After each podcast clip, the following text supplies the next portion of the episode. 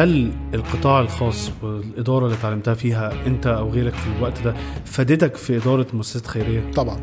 ما هو في الآخر معظم العمليات واحدة. يعني أنا بس الحمد لله اللي فادني أكتر إن أنا دارس من ناحية أكاديمية بقى دارس كل العمليات دي بس من ناحية بابليك سيكتور وفي الآخر ان أند أوف القطاع الخاص هو اللي فاتح القطاع بتاعنا. صحيح. ما هو القطاع الخاص لو مش بيكمبيت وبيقدر يدفع المرتبات العالية دي الناس دي هي اللي بتتبرع لبنك الطعام فبنك الطعام بيقدر يخدم ناس تاني. في الآخر القطاع ده هو اللي مشغل القطاع بتاعنا وده واقع تماما وده لما أنا بصيت من بره وخد بالك إحنا بنشتغل كل سنة يعني مشاريع بمئات الملايين تمويل من القطاع الخاص من المسؤوليه المجتمعية. حاجة جميلة جدا جدا جدا. وطبعا في البلد مفهوم المسؤوليه المجتمعية في مصر على فكرة غير بره يعني بره بيبقى profit centered جدا. هنا الناس عندها قلب قوي. ما بتشوفش الحاجة دي لما تطلع تبص على القطاع الخاص من بره هي من الحاجات الأمور المهمة قوي ال challenges لأي حد بيدير المؤسسات دي. وأنا كمان ممكن هنا في مصر ما فيش قوي دراسات موجودة لإدارة المؤسسات مفيش أصلا. آه. مش مفيش قوي آه. مفيش أصلا. ناس كتيرة بتبقى بتتعلم زي ما بقول لك كده as you go ما ده غلط طبعا ما انت بتتعلم as you go هتتعلم من اللي بيجو جنبك. آه. ودي مصيبة سوداء الرئيس التنفيذي لل Food Bank. ومعانا الأستاذ محسن سرحان. ازيك؟ مساء الفل عليك ومساء الفل على كل الناس اللي بيسمعونا النهارده.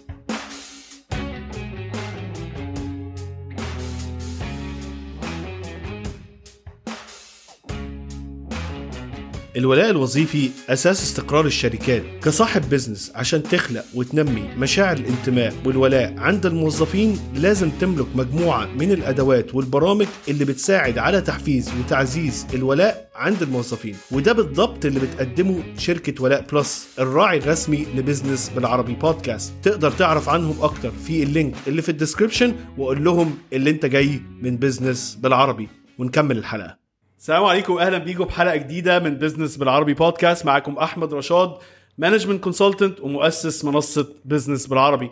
ومعانا ضيف جديد النهارده ممكن ال background بتاعه مختلف شوية أو التغير في ال career بتاعه مختلف شوية. الضيف معانا ابتدى في ال private sector أو في القطاع الخاص وتحرك منه من القطاع الخاص لأكثر من آه، market مختلف وسوق مختلف. وبعدين ابتدى في ال charity work أو العمل الخيري. وبقى رئيس أو الرئيس التنفيذي لمؤسسة أو ممكن نقول الرئيس التنفيذي لل Food Bank. ومعانا الأستاذ محسن سرحان. إزيك؟ مساء الفل عليك ومساء الفل على كل الناس اللي بيسمعونا النهارده. أنا سعيد طبعا آه، إن أنا معاكم جدا آه، وسعيد إن أنا يعني بكلم ال intellectual community اللي بتستمع ليك. آه، أنا متابع جيد جدا وسعيد جدا إن أنا النهارده أبقى على الجانب الآخر. أهلا بيك. معايا أول بودكاست ولا عملت بودكاست قبل كده؟ آه لا تاني بودكاست حلو. تاني بودكاست إن شاء الله مش مش الأخير. إن شاء الله إن شاء الله مش الأخير حتى هنا. إن شاء الله. إن شاء الله إن شاء الله. طيب قبل ما نبتدي الحلقة يا جماعة عايز أفكرك لو أنت بتتفرج علينا على اليوتيوب ما تنساش تعمل ال bell notification و subscribe. لو انت مش subscribe ولو في اي سؤال ليا أو لمحسن اكتب لنا في ال comment section رأيك وأسئلتك ليا أو لأستاذ محسن. ولو انت بتسمعنا على أي منصة من منصات البودكاست الصوتية ما تنساش تعمل share 5 star review وال comments عشان نقدر نوصل المعلومات دي لأكبر عدد من الناس. هنقول بقى محسن آه، عرفنا عن نفسك. آه، محسن سرحان. أنا 41 سنة آه، متزوج وعندي ولدين كبار وبنوتة لسه صغيرة خالص. مصري وبحب البلد دي. آه، وسعيد إن ربنا إداني الفرصة إن أنا يعني أتعرض لاكسبيرينسز كتيرة جدا مع ثقافات كتيرة جدا آه، في بلاد كتيرة جدا عشان أعرف يعني قيمة العيشة في مصر. آه، وبقول الكلام ده طبعا من قلبي بنسبة مليون مليار في المية. وسعيد إن أنا بقول الكلام ده وأنا متأكد منه لأن أنا جالي فترات كتيرة جدا في حياتي. آه، كنت في مفترق طرق كان ممكن آه، بسهولة إن أنا آه، أختار إن أنا يعني أكمل حياتي المهنية في مكان تاني. لكن في الآخر أنا مقتنع تماما تماما مليون في المية إن لو في ناس في هذه البلد عندهم flexibility إن هم ممكن يقدروا يتحركوا ويروحوا مكان تاني في ملايين غيرهم مش هيشوفوا بلد غير البلد دي. فلازم في جزء من الناس اللي عندها ال flexibility دي ت commit إنها تحاول تفضل ويبقى ليها دور في حياة الناس اللي ملهاش اختيار. حلو قوي طيب إحنا عايزين نرجع شوية بالكارير بتاعك قبل دورك دلوقتي في بنك الطعام. آه تقول لنا أنت خريج إيه؟ خريج إيه؟ دي كلمة صعبة قوي لأن أنا خريج أربع جامعات. حلو. نبتدي بواحدة وخمس, واحدة بقى. وخمس مدارس قدها فالموضوع ملخبط خدها شوية. واحدة واحدة بقى. آه، أول حاجة طبعا هندسة بس دي مش خريج دخلت وده كان حلم حياتي إن أنا أبقى مهندس. يعني هي إعدادي قضى عليا. فحولت بعد كده على آه، سياسة واقتصاد. آه، قسم اقتصاد تحديدا واتخرجت منه الحمد لله. وبعد كده آه، دخلت أعمل MBA بعد ما اتخرجت تقريبا بسنتين. وده كان درس قاسي ليا إن هو يعني بدري. بالن- بالنسبة لي it's لا خلاص it's nonsense الصراحه بالنسبة لي يعني يعني في ناس طبعا بتختار إنها تعمل كده على طول بتختار إنها تاخد آه، يعني graduate degree بعد ما تخلص الجامعة على طول. أنا بالنسبة لي دي مش حاجة حكيمة خالص. ممكن تبقى منطقية في حالة إن حد هياخد حاجة متخصصة في مجاله. يعني حد مثلا دخل let's say إن حد دخل biomedical engineering وراح بعد كده يتخصص في ده فخد master's technical في ده. أنا I understand لكن MBA مش منطقية. ف... وبره عامة ال MBA بيقول لك يعني خد خمس سنين ما ما تدخلش في ال MBA قبل خمس سنين شغل وتكون دخلت إدارة وكده عشان يبقى اللي بتعمله بتعلمه ده relevant أو يعني بيبقى مطابق للي أنت بتاخد فيه قرار. لكن غير كده هيبقى كله intellectual أو حاجات برافو عليك برافو آه عليك. exercises كده إحنا أكاديمية بن- بنتعلم ليه؟ إحنا بنتعلم it's training أنت بت train عشان تقدر ت perform في مكان ما. ما أنت لو في الآخر لو ب train لهدف ال training ده that's nice وحاجة جميلة جدا. بس لازم تبقى عارف إن أنا داخل ا train عشان أتسلى. لكن أنت لو ب train عشان ت perform أنت اللي بت يعني اللي بتدرسه مش هتلاقي أي platform تطبقه فيه. يعني أنا حد لسه fresh graduate ففي الآخر هنقارن أنا على سبيل المثال ورحت ابتديت MBA أنا لقيت نفسي إن أنا اللي عمال أدرسه ده ما حدش هيخليني أعمل بيه حاجة. يعني بدرس human resource management مين هيأتمني وأنا لسه مخلص الجامعة إن أنا أطبق ده؟ ومين هيأتمني أطبق financial management فلقيتها didn't make sense. ف I cut it قعدت سنة وقفلت على دبلومه وبعد كده I think الم... يعني it took me another 10 years إن أنا 10 سنين أبدأ آه،. تاني masters. نحاول تاني نترجم على قد نقدر. آه. تاني attempt يعني آه ل masters. فخدت بقى اتنين back to back ورا بعض. آه واحدة من هنا من آه، الجامعة الأمريكية بالقاهرة وواحدة من آه، جامعة هارفارد في أمريكا من كلية كندي للشؤون الحكومية. والاثنين اسمهم واحد يعني الاثنين ماجستير في إدارة في الإدارة العامة اللي هو ال MPA بتاعت الغلابة يعني. يعني ال MPA بتاعت الناس ال business الفاترنز ال public administration بتاعت ال- العمل العام بتاعت الناس اللي بيشتغلوا في حاجات غير هادفة للربح. فواحدة فيهم تخصص كانت آه، آه، منظمات آه، عامة وواحده فيهم public administration in general اللي بتاعت أمريكا. جميل جدا. طيب أنت درست أصلا سياسه اقتصاد فين أصلا؟ جامعة؟ القاهرة. جامعة القاهرة وليها الفخر. يعني. جميل جدا. واتخرجت بعديها عملت إيه؟ بعديها أنا كنت وأنا؟ في الجامعة يعني كنت محدد أنا كل حاجة في حياتي المحطات في حياتي كلها ببقى يعني وربنا عمره ما خذلني في ده. كل حاجة كنت عايزها ربنا ادهاني. وفي الآخر اكتشفت لما وأنا فيها إن هو مش ده اللي أنا عايزه. فدورت على حاجة تانية يعني consistently فأنا وأنا في جامعة القاهرة كنت آه، يعني فاكر إن أنا كانت أمنية حياتي أشتغل في HSBC وفي إدارة معينة يعني I was that focused والحمد لله ربنا كرمني واشتغلت في HSBC وفي نفس الإدارة دي. وبعدها يعني ما عدتش متهيألي سنتين واكتشفت إن هو مش ده اللي أنا عايزه برضه. زي هندسة. يعني كنت طول حياتي أنا عايز أخش هندسة. وهي took me 1 year في هندسة. لا مش ده اللي أنا عايزه. لما بتحط فيها. آه وبعد كده من من HSBC I moved يعني اتحركت في محطات كتيرة جدا. يعني قعدت بعد كده 8 سنين تقريبا في في القطاع الخاص آه معظمها كانت في في التجارة الدولية حلو. فاشتغلت بعت كل حاجة بقى بعت حديد وبعت أسمنت وبعت آه، سجاد وبعت FMCG وكل حاجة انت كنت آخر حاجة يعني مثلا انت بديت فيها من البنك خرجت منه اشتغلت في ال sales مني بالظبط. الاساس sales بعدت Export خالص عن. ال degree بتاعك اللي هو الاقتصاد والعلوم خالص السياسية خالص خالص خالص. بعدت عنده خالص آه وبعدين اشتغلت في الثمان سنين دول بقى كان إيه ال roles بتاعتك أو إيه المناصب اللي أنت mainly كلها آه، مسؤول عن منطقة تصدير. يعني في أول آه، أول محطة كنت شغال في شركة آه، حديد وصلب وكنت مسؤول عن أفريقيا كلها. وبعد كده المحطة اللي بعدها كنت مسؤول في شركة منسوجات. كنت مسؤول عن منطقة أكبر بكتير كنت مسؤول عن ال Far East كله. ومنطقة اللي هي CIS اللي هي ال Commonwealth of Independent States اللي هم روسيا وبيلاروسيا آه، وبعد كده وإيه تاني يا ربي؟ وأفريقيا برضو. وبعد كده المحطة الثالثه كنت FMCG ودي كانت آه، يعني من من FMCG ممكن من أصعب المحطات؟ منتجات سريعه الدوران يعني الحاجات اللي ما بتقعدش على ال shelf كتير. آه زبادي مربى آه زيت الحاجات اللي على طول بتتسحب يعني المنتجات سريعه الدوران ودي يعني بتبقى ال ال الآليات بتاعه ال- الشغل فيها في ال في ال sales مختلفة شوية عن الحاجات ال business to business أو الحاجات اللي هي بتبقى أبطأ شوية في ال في ال uptake يعني المستهلك ياخدها. فلأن أنا دي كانت أصعب محطة فيهم في القطاع الخاص لأن أنا كنت مسؤول إن أنا أبني operation من الصفر في بلد آه، كانت في السودان. وساعتها قعدت تقريبا في السودان سنة وكانت تجربة جميلة جدا بالنسبة لي.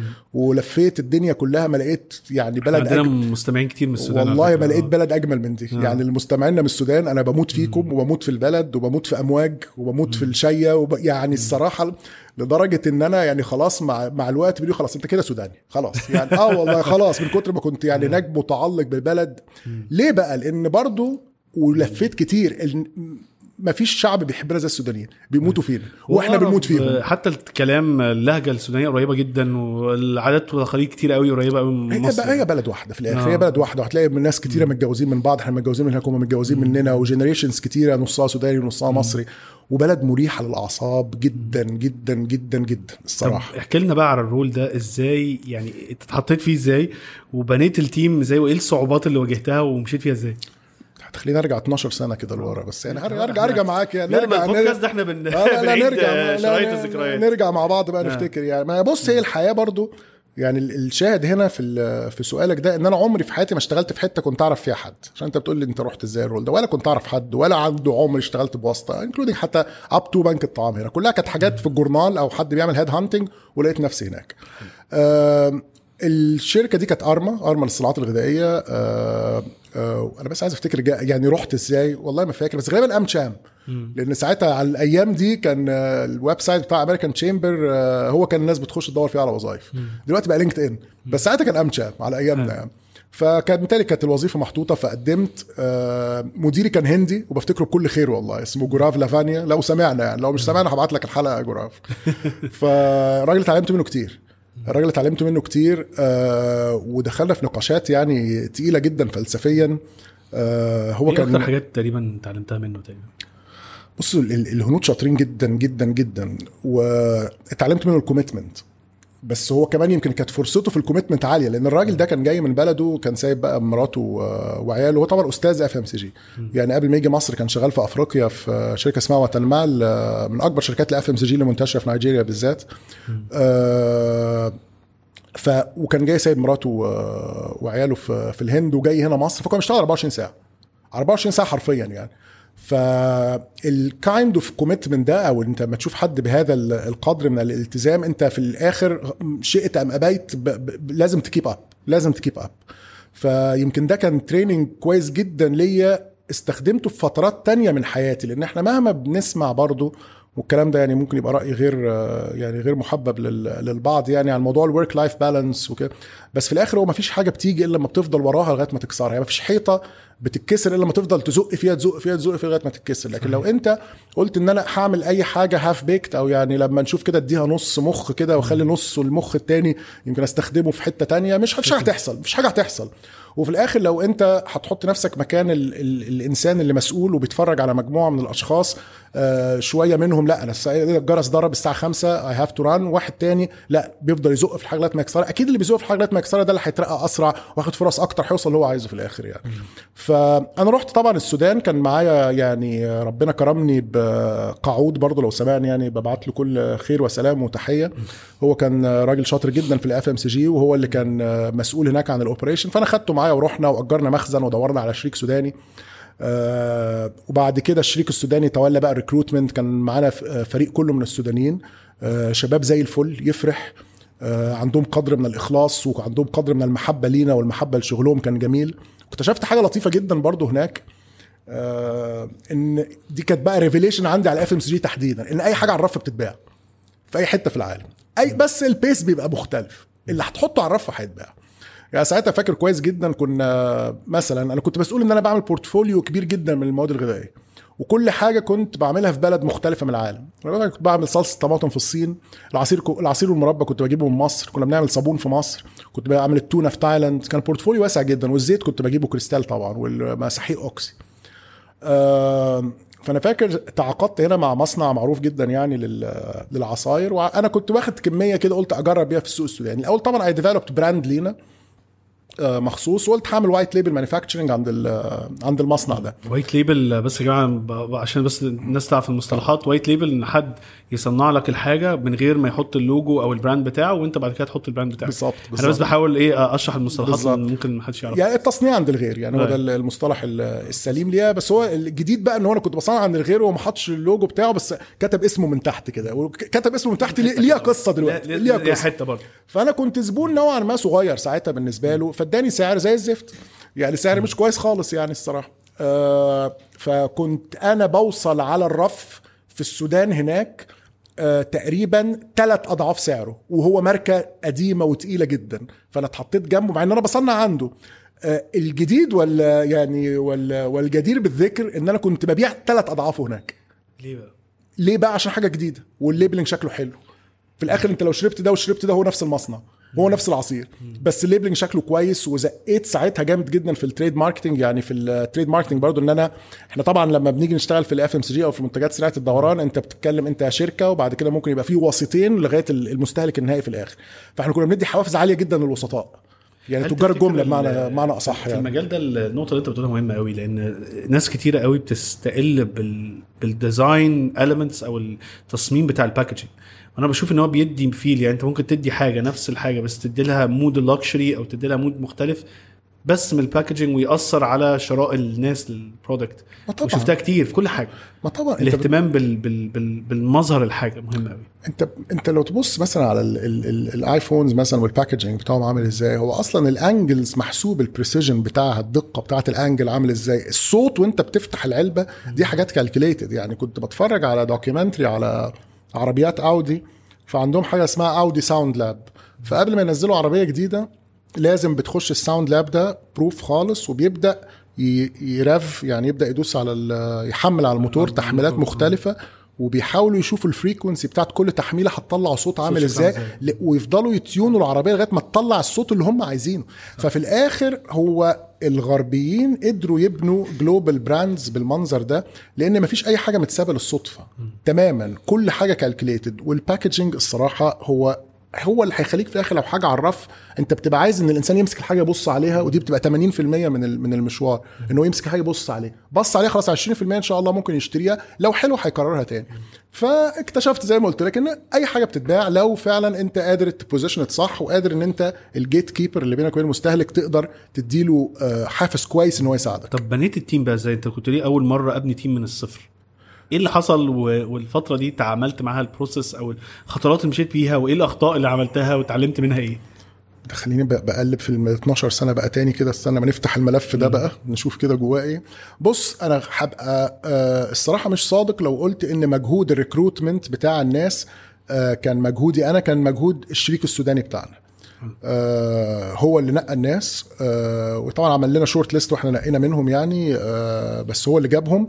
إحنا بس تولينا تدريبهم وهو حتى اللي جاب العربيات بتاعة ال fleet. إحنا بس حطينا ال system آه فمش قادر أقول لك إن التجربة دي بالذات آه بتاعه السودان هي كانت الصعوبه فيها بس إن إحنا بن operate في أرض آه، يعني بالنسبة لنا غريب. يعني دي كانت أول مرة أنا كنت بقى على طول يعني في السبع سنين أو الست سنين اللي قبلها أنا كنت على طول بسافر إن أنا ببيع في حتة بس أول مرة أبقى رايح بعمل establishment في حتة.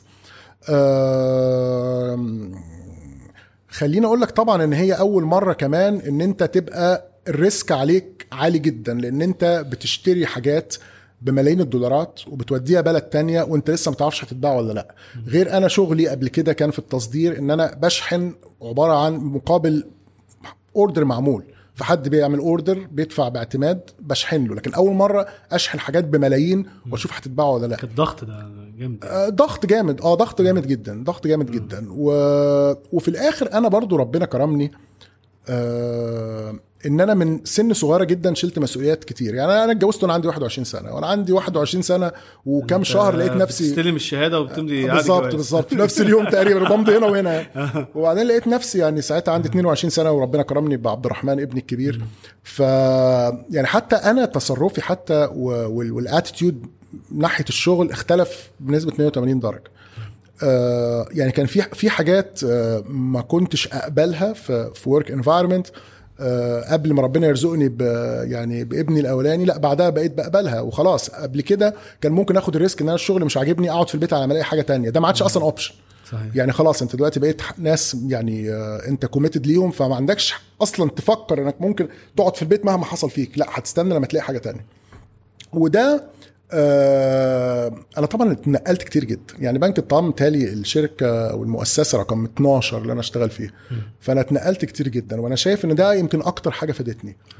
آه بيقال إن أنت لما تتنقل كتير وحد يبص على ال CV بتاعك هيقول إن أنت بيسموها bouncer يعني كنت عمال ينط من شغلانه لشغلانه لشغلانه في الآخر أنا عمر ما حد قال عليا كده وأنا شايف إن دي أكتر حاجة فادتني ودي من أكتر الحاجات اللي أنا ب value حد جاي عايز يشتغل معايا بدل في سبب لهذا التنقل.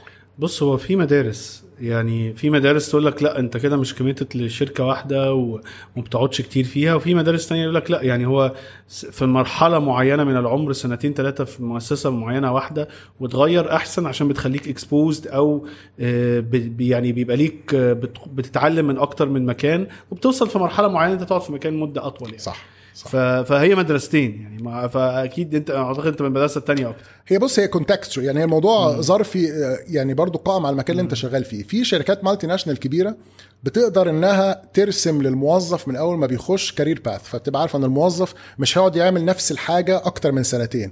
فاهم دلوقتي مثلا حد ماسك category لا في التسويق مثلا في شركة كبيرة جدا متعدده الجنسيات فهو ماسك مثلا ال category لل brand ده. بعدها بسنتين بيقوموا منقلينه على brand تاني. بعدها بسنتين كمان يبقوا مودينه regional يمسك كذا brand مش كل الشركات عندها ال scale إنها تقدر ترسم.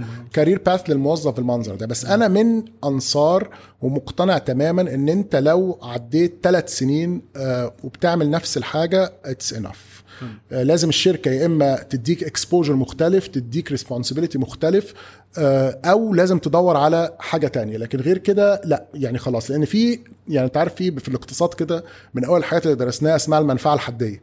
يعني انت دلوقتي ماشي في الصحراء وهتموت من العطش فانت كوباية المية ممكن تدفع فيها مليون جنيه. طب كوباية المية اللي بعدها 500 ألف. لغاية ما بتوصل ان كوباية المية أصلا ملهاش قيمة وكذلك ال- الأشخاص. وكذلك ده الدافع الوحيد اللي بيخليني امشي من المكان. لما احس ان أنا القيمة اللي أنا بديها عمال بتتناقص بتتناقص بتتناقص لغاية ما أنا ببقى ريبليسبل فلو حسيت ان انت سهل استبدالك امشي. طيب عديت المرحلة دي كنت انتقلت من مكان لمكان مرحلة السودان. وبعدين إيه اللي حصل بعديها؟ بعدين أنا آه، في الفترة دي كنت آه، يعني على يقين إن أنا ما ينفعش أكمل في القطاع الخاص. لأن أنا كنت شايفه وأنا جواه بشكل وبعد ما طلعت منه شفته بشكل مختلف تماما. يعني وأنا جواه كنت شايف إن أنا لأ المفروض إن أنا أعمل حاجة بوقت أحسن.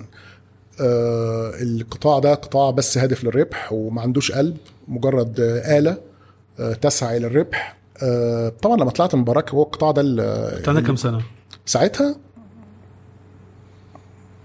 استنى كده بقى ما أقول لك. أنا يعني ت- ت- 28 28 29 أنت المفروض. في عز بقى اللي أنت بتبني نفسك و... وبتجيب الحاجة وعربية ويعني بتبتدي دلوقتي ده بتبتدي الأساسيات يعني. إيه اللي. خلاك تاخد القرار زي ده؟ سؤال جميل جدا والله كان يعني نفسي أقول لك إن أنا يعني آه عندي قدر كبير من الشجاعة إن أنا رحت مقطع البطاقة ورايح بس هو ربنا ساعتها قفل في وشي كل الأبواب إلا الباب اللي أنا كنت هخاف أعدي منه لوحدي. يعني أنا was cornered بفضل الله سبحانه وتعالى والحمد لله إن أنا ما فيش إلا الباب ده اللي همشي منه أنا ساعتها كانت قبل الثورة على طول وكان في شركة ياباني يابانية جاية تفتح في مصر operation كبيرة جدا آه وبعد كده كانوا عايزين sales manager ل Middle East North Africa وعملوا بقى عملية interviews فظيعة وكده والحمد لله نقوني أنا في الآخر. المدير الياباني قعدت معاه واتفقنا على كل حاجة وادي مدير مبيعات؟ شركة برضو أف... أف... في شركة لا لا لا آه تو- توشيبا. توشيبا اللي كانت جاية تفتح آه. هنا. كانت جاية تفتح فرع في مصر. آه مش يعني هم اللي كانوا هيبقوا ال majority هم مش ال مش ال مش العربي. يعني هم كان العربي داخل معاهم بس هي توشيبا اللي فاتحه.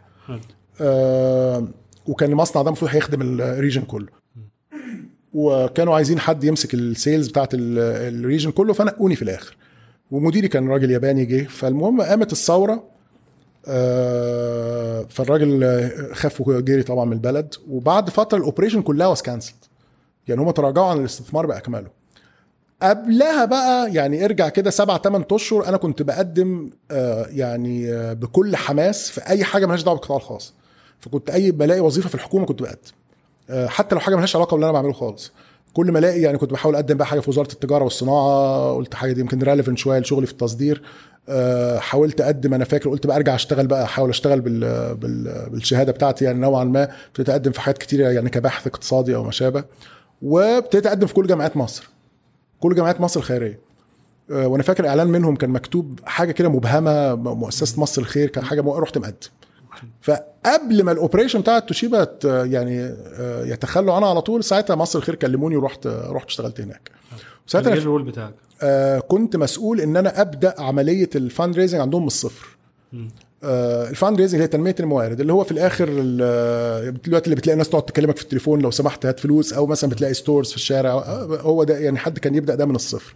وبدأتها كنت رقم واحد.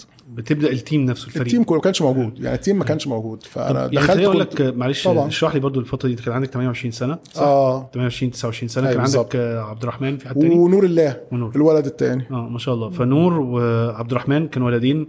آه كنت أنت تقريبا يعني ابتديت تخش في ال private sector تبقى أنت sales manager وده لا أنا كنت regional director آه، يعني ساعتها كنت وصلت بالظبط أنا عايز آه. فين؟ آه يعني وصلت. آه يعني regional يعني director ممكن نقول مدير إقليمي. بالظبط. آه ومبيعات فالناس عارف طبعا المبيعات بيبقى غير ال salary الكبير بيبقى ليه commissions كذا. ومدير إقليمي في حاجة برستيجيوس عندك 28 29 سنة في عيلين في زوجة. كتير يعني دايما بياخد القرار إن هو يبقى في الحاجات الخيرية لما يكبر شوية يكون عمل فلوس وعمل قال لك إيه أعمل حاجة خيرية. أو اشتغل في مؤسسة خيرية عشان خلاص أنا استبلش جبت بقى البيت والعيال مفهوم، عليهم وخرجوا. آه، متهيألي كان قرار صعب أو أو يعني أكيد ناس لمتك على الحركة زي كده في السن زي ده يعني. أنا اتلمت على حاجات يعني أسوأ من كده بكتير. آه. يعني اتلمت على دي شوية بس عملت حاجات يعني أكثر أكثر غرابة لما تتشاف من بره بس أنا بالنسبة لي كانت منطقية و straightforward جدا. الولاء الوظيفي أساس استقرار الشركات كصاحب business عشان تخلق وتنمي مشاعر الانتماء والولاء عند الموظفين لازم تملك مجموعة من الأدوات والبرامج اللي بتساعد على تحفيز وتعزيز الولاء عند الموظفين. وده بالضبط اللي بتقدمه شركة ولاء Plus الراعي الرسمي ل Business بالعربي بودكاست. تقدر تعرف عنهم أكتر في ال link اللي في ال description وقول لهم اللي انت جاي من Business بالعربي. ونكمل الحلقة. طبعا في الوقت ده الناس لمتني لدرجة إن لا فاكر كويس يعني إن زوجتي السابقة يعني أم الأولاد ربنا يديها الصحة ويبارك فيها وأنا رايح فبتقول لي أنت رايح يعني رايح تشتغل إيه؟ رايح تبيع مناديل؟ أنت رايح تعمل إيه؟ أنا بالنسبة لي ما كنتش عارف أنا رايح أعمل إيه.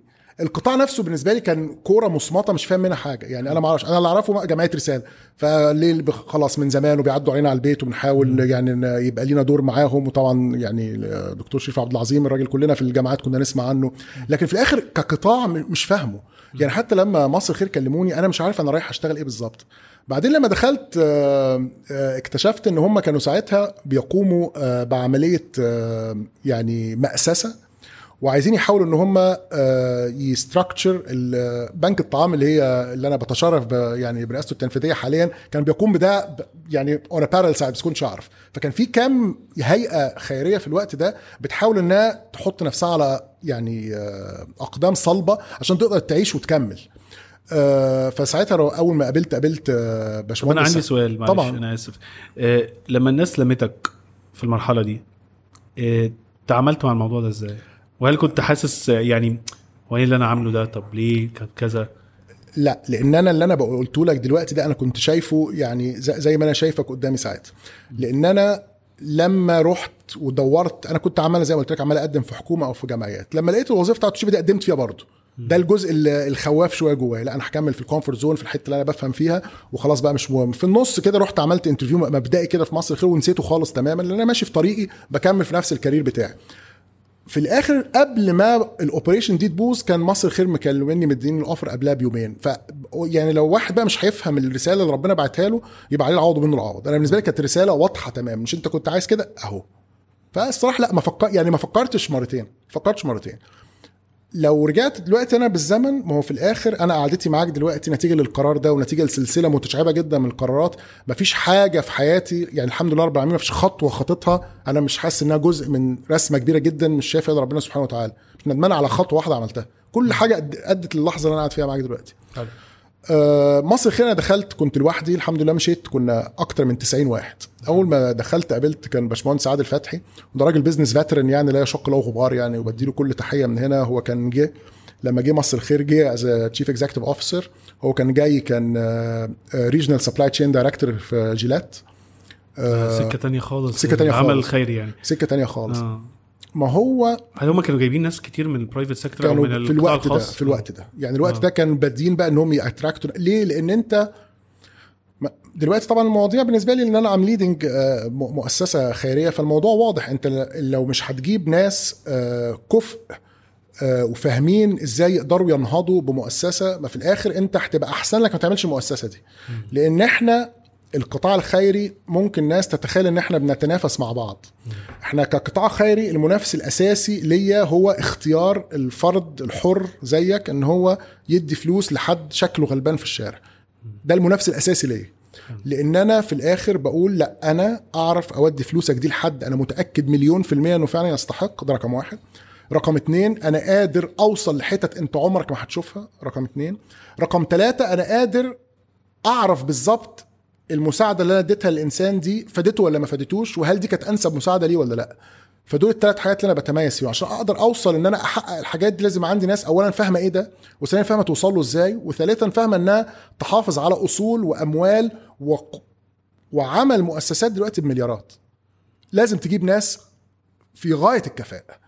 فهم كانوا بادين صح مصر خير في الوقت ده. بنك الطعام كان on parallel note كان بادي نفس البداية يمكن كمان قبلهم بسنة أو سنتين تقريبا بنفس الطريقة. وده اللي خلى المؤسسات دلوقتي دي في غاية النجاح. يعني ارج...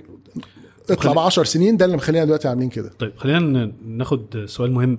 هل القطاع الخاص والإدارة اللي اتعلمتها فيها أنت أو غيرك في الوقت ده فادتك في إدارة مؤسسات خيرية؟ طبعا. ما هو في الآخر ال- ال- المعظم العمليات واحدة. يعني أنا بس الحمد لله اللي فادني أكتر إن أنا دارس من من ناحية أكاديمية بقى دارس كل العمليات دي بس من ناحية public sector يعني أنت لسه ما كنتش درست في هارفارد لا، ما؟ كنتش درست في آه هارفارد هن- هنجيلها بعدين.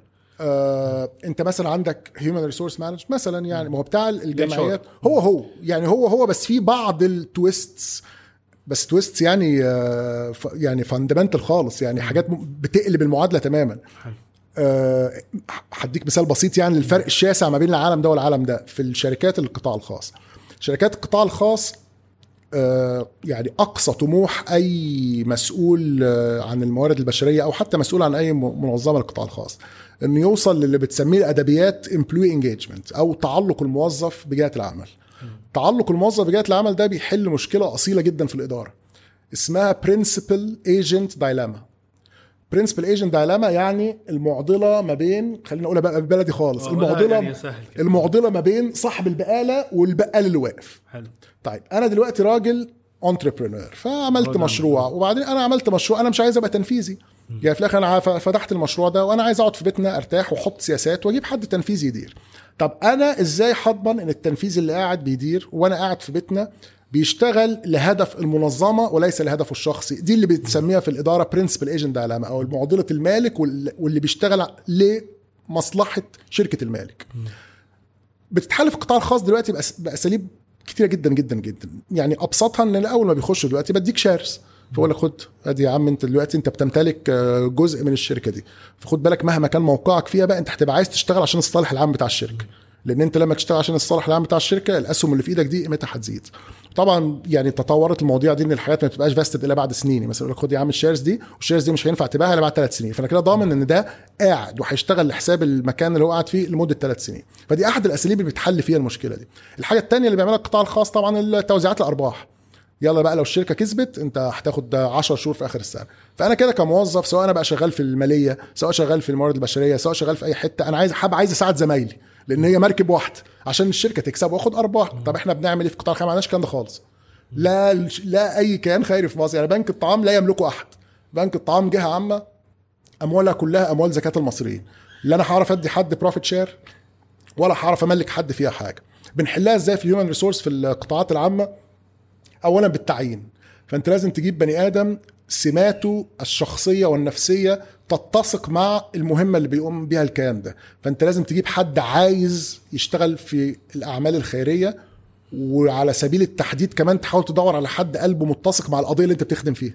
كمان يعني أنا كمحسن بس أنت ممكن تجيب ده بس ما يبقاش أنا آسف اقطعك ما يبقاش qualified ما يبقاش عنده ما يبقاش كادر. لا, لا يعني لازم ممكن يبقى قلبه طيب وعايز الخير وكده ما يبقاش كادر. آه لا أنت بتجيب الأصل إن هو يبقى qualified وتحاول ت shortlist بال... بالقلب.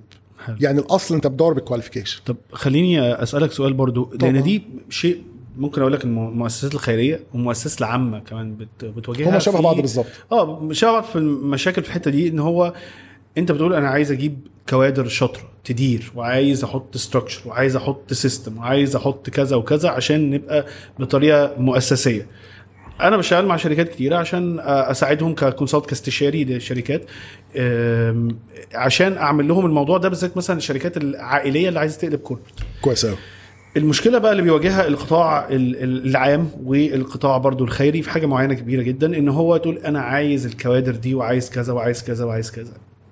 وفي نفس الوقت عايزه شخص بيحب الخير وكده. بس عشان أجيب الكادر ده في بالتعليم المعين عشان يعمل لي شغل مؤسسة هيكلف فلوس غالي. اتنين عشان أجيب systems وعشان أجيب ERP systems وعشان أجيب management system غالي. لازم أصرف عليه. وعشان أجيب كذا وعشان أجيب كذا. فأنت مش بت compete مع يعني حتى كقطاع الخيري أو القطاع العام بي compete مع القطاع الخاص فيها لأن هو في الآخر الراجل ده. يقول لك أنا هاخد فلوس كويسة في القطاع ده أنت هتدفع لي كام؟ ودي اتقالت. وأنا وأنا بشتغل consultant لناس كتير في في, ال- في الجهات دي. فبيقول لك لا أنا هدفع لي كام؟ في الآخر يعني. تاني حاجة في الخيري بقى هيقول لك سؤال تاني هيقول لك أنا طيب أنا عايز أجيب systems وعايز أجيب ERP وعايز أجيب كذا. فبيبقى في dilemma كبيرة طب أنا الفلوس دي هتروح للشخص اللي عايز العلبة والأكل والكذا والكذا ولا هنحطها في ال ERP system ولا هنحطها في ال system management أسئلة كبيرة قوي اللي أنت بتسألها دي. أسئلة كبيرة جدا ما ده بقى اللي بيفرق. ال podcasting أنا دايما بقول. ال podcasting لازم حد متخصص. أسئلة كبيرة قوي قوي قوي قوي قوي بقى. لا استنى ما اشرب بق بقى من الشاي ده آه. وبعدين إيه ناخدها حبة حبة. نكسرها حبة حبة كده ونتكلم. أنا أنا أنا ال- الأسئلة دي بتسألني بتتسألني في استشارات كتيرة. فأنا يعني بشتغل فيها بإيدي. غير يعني وده اللي أنا بقول للناس عليه في, ال- في ال podcasting إن أنت لازم الشخص اللي بيدير الحوار في البودكاست يبقى متخصص. عشان نسأل وفعلا نتعلم يعني. أنت برافو عليك سؤالين في الجون يعني. آه. تعال ناخد الاولاني أنا هتكلم يعني أنا هكلمك كأني بفكر بصوت عالي ورزقي على الله يعني. أنا هفكر في اللي أنت بتقوله كده كأني بفكر مع نفسي لأن هم دول يمكن من أكتر الحاجات اللي ما بتنامنيش الليل. السؤالين اللي أنت سألتهم دول لا أنا ولا مجلس الإدارة بتاعي. حلو. ومعظم الكلام اللي بنتكلمه بيدور حوالين ال- السؤالين دول. أول حاجة في ال calibers أو في ال human resources أو في الموارد البشرية. طيب ما هو في الآخر آه، اللي هو الكلام المكتوب في الكتب بقى ما هو في الآخر بنك الطعام ده لو شلت منه الناس هو هيبقى مجرد حيطان صماء لا بتعملش أي حاجة في الدنيا خالص. خلاص؟ ففي الآخر المورد البشري هو أهم مورد في أي حتة في الدنيا شئنا أم أبينا. فده كلام مكتوب في كتب وصح صحيح. خلاص؟ طيب وصح تماما إن أنا بكمبيت على هذا المورد البشري مع قطاعات الدولة كلها. فده حق تاني. حق تالت إن أنا عمري في حياتي لا هعرف أدي ال benefits اللي بيديها القطاع الخاص ولا هعرف أدي المرتبات اللي بيديها القطاع الخاص. لسبب بسيط جدا. أنا الزبون بتاعي ما بيدفعش فلوس. صحيح. و this is very tricky يعني الموضوع ده لو بصيت له كده على الكلمة دي بتحمل تبعيات كتيرة جدا على شغلنا. طب يعني إيه الزبون بتاعي ما بيدفعش فلوس؟ يعني دلوقتي أي شركة خلقها ربنا. لو حصل عليها أي نوع من أنواع الضغوط على السعر بتاعها يعني هت passed على ال consumer على طول. يعني حصل مثلا ضريبة جديدة في الدولة. هروح زو- مزودها على السعر. زودت عليا الس- التكلفة ب 10% هزود على الزبون ب 10% على طول كده من غير ما أفكر أصلا. آه أي حاجة raw material بشتريه زاد ب 20% هنقله على المستهلك مباشرة. أنا المستهلك بتاعي ما يدفعش حاجة. أنا المستهلكين بتوع بنك الطعام المصري عبارة عن مئات الآلاف من الأسر الغير قادرة على العمل. وأنا واجب وحق علينا ان إحنا نستخدم زكاة المصريين ان إحنا نكفل لهم أمان غذائي في بيتهم. مستهلك التاني بتاعي حوالي 40 50 ألف طالب في المدارس والحضانات الأهلية والسيدات الحوامل بنحاول نوفر لهم غذاء عشان نحميهم. فالناس دي ما بتدفعليش حاجة. فأنا اللي بمتص أي أي عبء على التكلفة بتاعتي على طول. والحاجة دي مخلياني ما بقدرش إلا إن أنا يعني بتحرك في هيكل رواتب للأسف في الوظائف العليا أقل من نص القطاع الخاص. للأسف في الوظائف العليا. آه، ممكن في الوظائف اللي هي ال entry level ببقى قادر أ compete. يعني لو حد شاب مثلا أو أو فتاة مخلصة جامعة بنقدر نديها مرتب كويس جدا آه، بيتناسب مع النظراء في القطاع الخاص. وأنا فخور حتى ان إحنا ال shop floor level أو ال- يعني السادة الزملاء اللي هم بيساعدونا في المصنع آه، في التعبئة أو في اي من الوظائف الادمنستريتيف يعني الوظائف الإدارية الحمد لله بنحاول نوفر لهم مستوى وظيفي لائق وكريم جدا جدا جدا. وده خد بالك لسبب بسيط جدا. ما في الآخر إحنا شغالين في قضية تنموية وهي قضية محاربة الفقر ومحاربة الجوع وآثارهم. فلازم الإنسان اللي يقوم بالخدمة في هذه القضايا يبقى إنسان حاسس إن هو قادر ياكل هو كويس وقادر يأكل ولاده كويس وقادر يوفر لهم مستوى كويس عشان يعرف قلبه ينكسر للفقير. صحيح. يا إما هتبقى الموضوع لو فكرت فيه كده مش منطقي خالص. صحيح. لكن لما بتطلع بقى الوظائف رؤساء القطاعات وال يعني اللي بن- بنسميه CXO level وكده لا خلاص بقى يعني الميزة التنافسية بتاعتنا بتنهار. صحيح. تماما يعني. فبتتبع اللي أنا بقدر أعمله إن أنا بتبع سياستين. بشوف حد زي حالاتي كده بقى مش عايز أشتغل في القطاع الخاص خالص وأحاول أصطاده وأحاول إن أنا أوفر له تجربة شغل جميلة. حلو. يعني يعني طبعا اللي هيسمعني ناس كتيرة من اللي شغالين معايا في بنك الطعام يا رب ما يقولوش الراجل ده بيقول إيه بس والله بس ده نيتي. يعني أنا بقول لهم كده يعني في ممكن هو التبعيات اللي بيشوفوها يحسوا لا الراجل ده لكن أنا في الآخر نيتي فعلا أنا بحبهم واحد واحد جدا. والحب ده اتعلمته برضو اللي أنا لازم أشكره يعني أنا تعل... أنا طبعي إن أنا بثق في الناس الأول إلى أن يثبت العكس. ده كان طبعي طول عمري. عندنا بقى نيازي سلام اللي هو رئيس مجلس الإدارة وهو أستاذي يعني. هو بيحب الناس اللي يثبت العكس يعني هو بياخدها بس level حتى أعلى من ده. فأنا اتعلمت دي منه. يعني ما أعرفش أشتغل مع حد لو أنا حبيته فعلا. فأنا فعلا بحبهم. هي مدارس يعني ما فيش صح ولا أنا نفعاني. آه. يعني ما هو في الآخر اللي أنا عمره ما خذلني فبروبلي بالنسبة لي صح. أنا عمر ما ربنا خذلني بسياسة إن أنا بثق في الناس 100% وأسلمهم رقبتي بالذات اللي شغالين معايا إلى أن يثبت العكس. هو بيحبهم تماما أستاذ نادي سلام إلى أن يثبت العكس.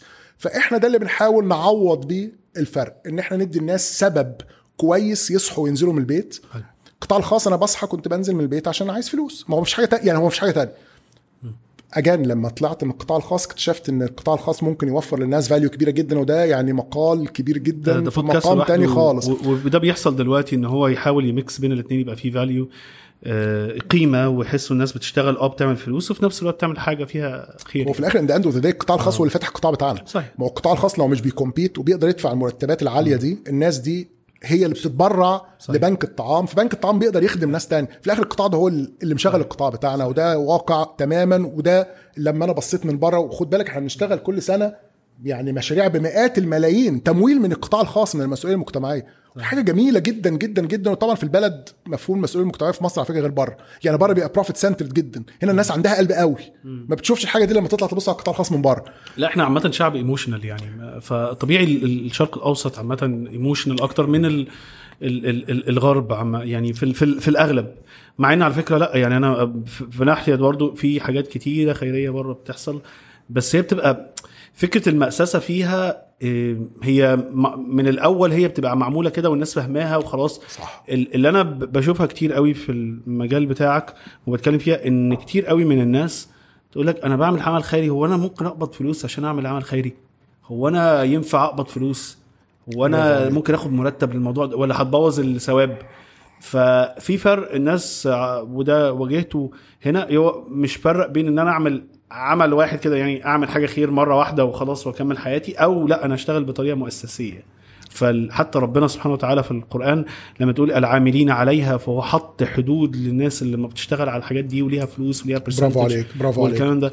والناس ما تبقى انت لو خدت بالك في القرآن فقراء والمساكين والعاملين عليها الثالثه آه. على طول. فمن ناحية شرعية إحنا شايفين إن هو منطقي تماما وربنا فتح لنا باب إن إحنا نقدر ناخد ناس نحبس وقتهم عشان يشتغلوا بدوام كامل ويقدروا يخدموا الفقراء.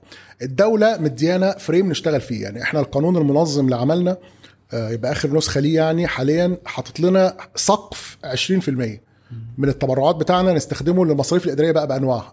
آه، سواء مثلا كان بنعمل إعلانات سواء بنعمل كهرباء نور مرتبات كل حاجة.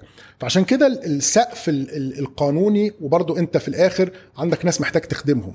طبعا الم- المواد الغذائية لو هتكلم على بنك الطعام تحديدا المواد الغذائية شهدت تضخم كبير جدا في الفترة اللي فاتت. فطبعا الناس دي في رقبتي.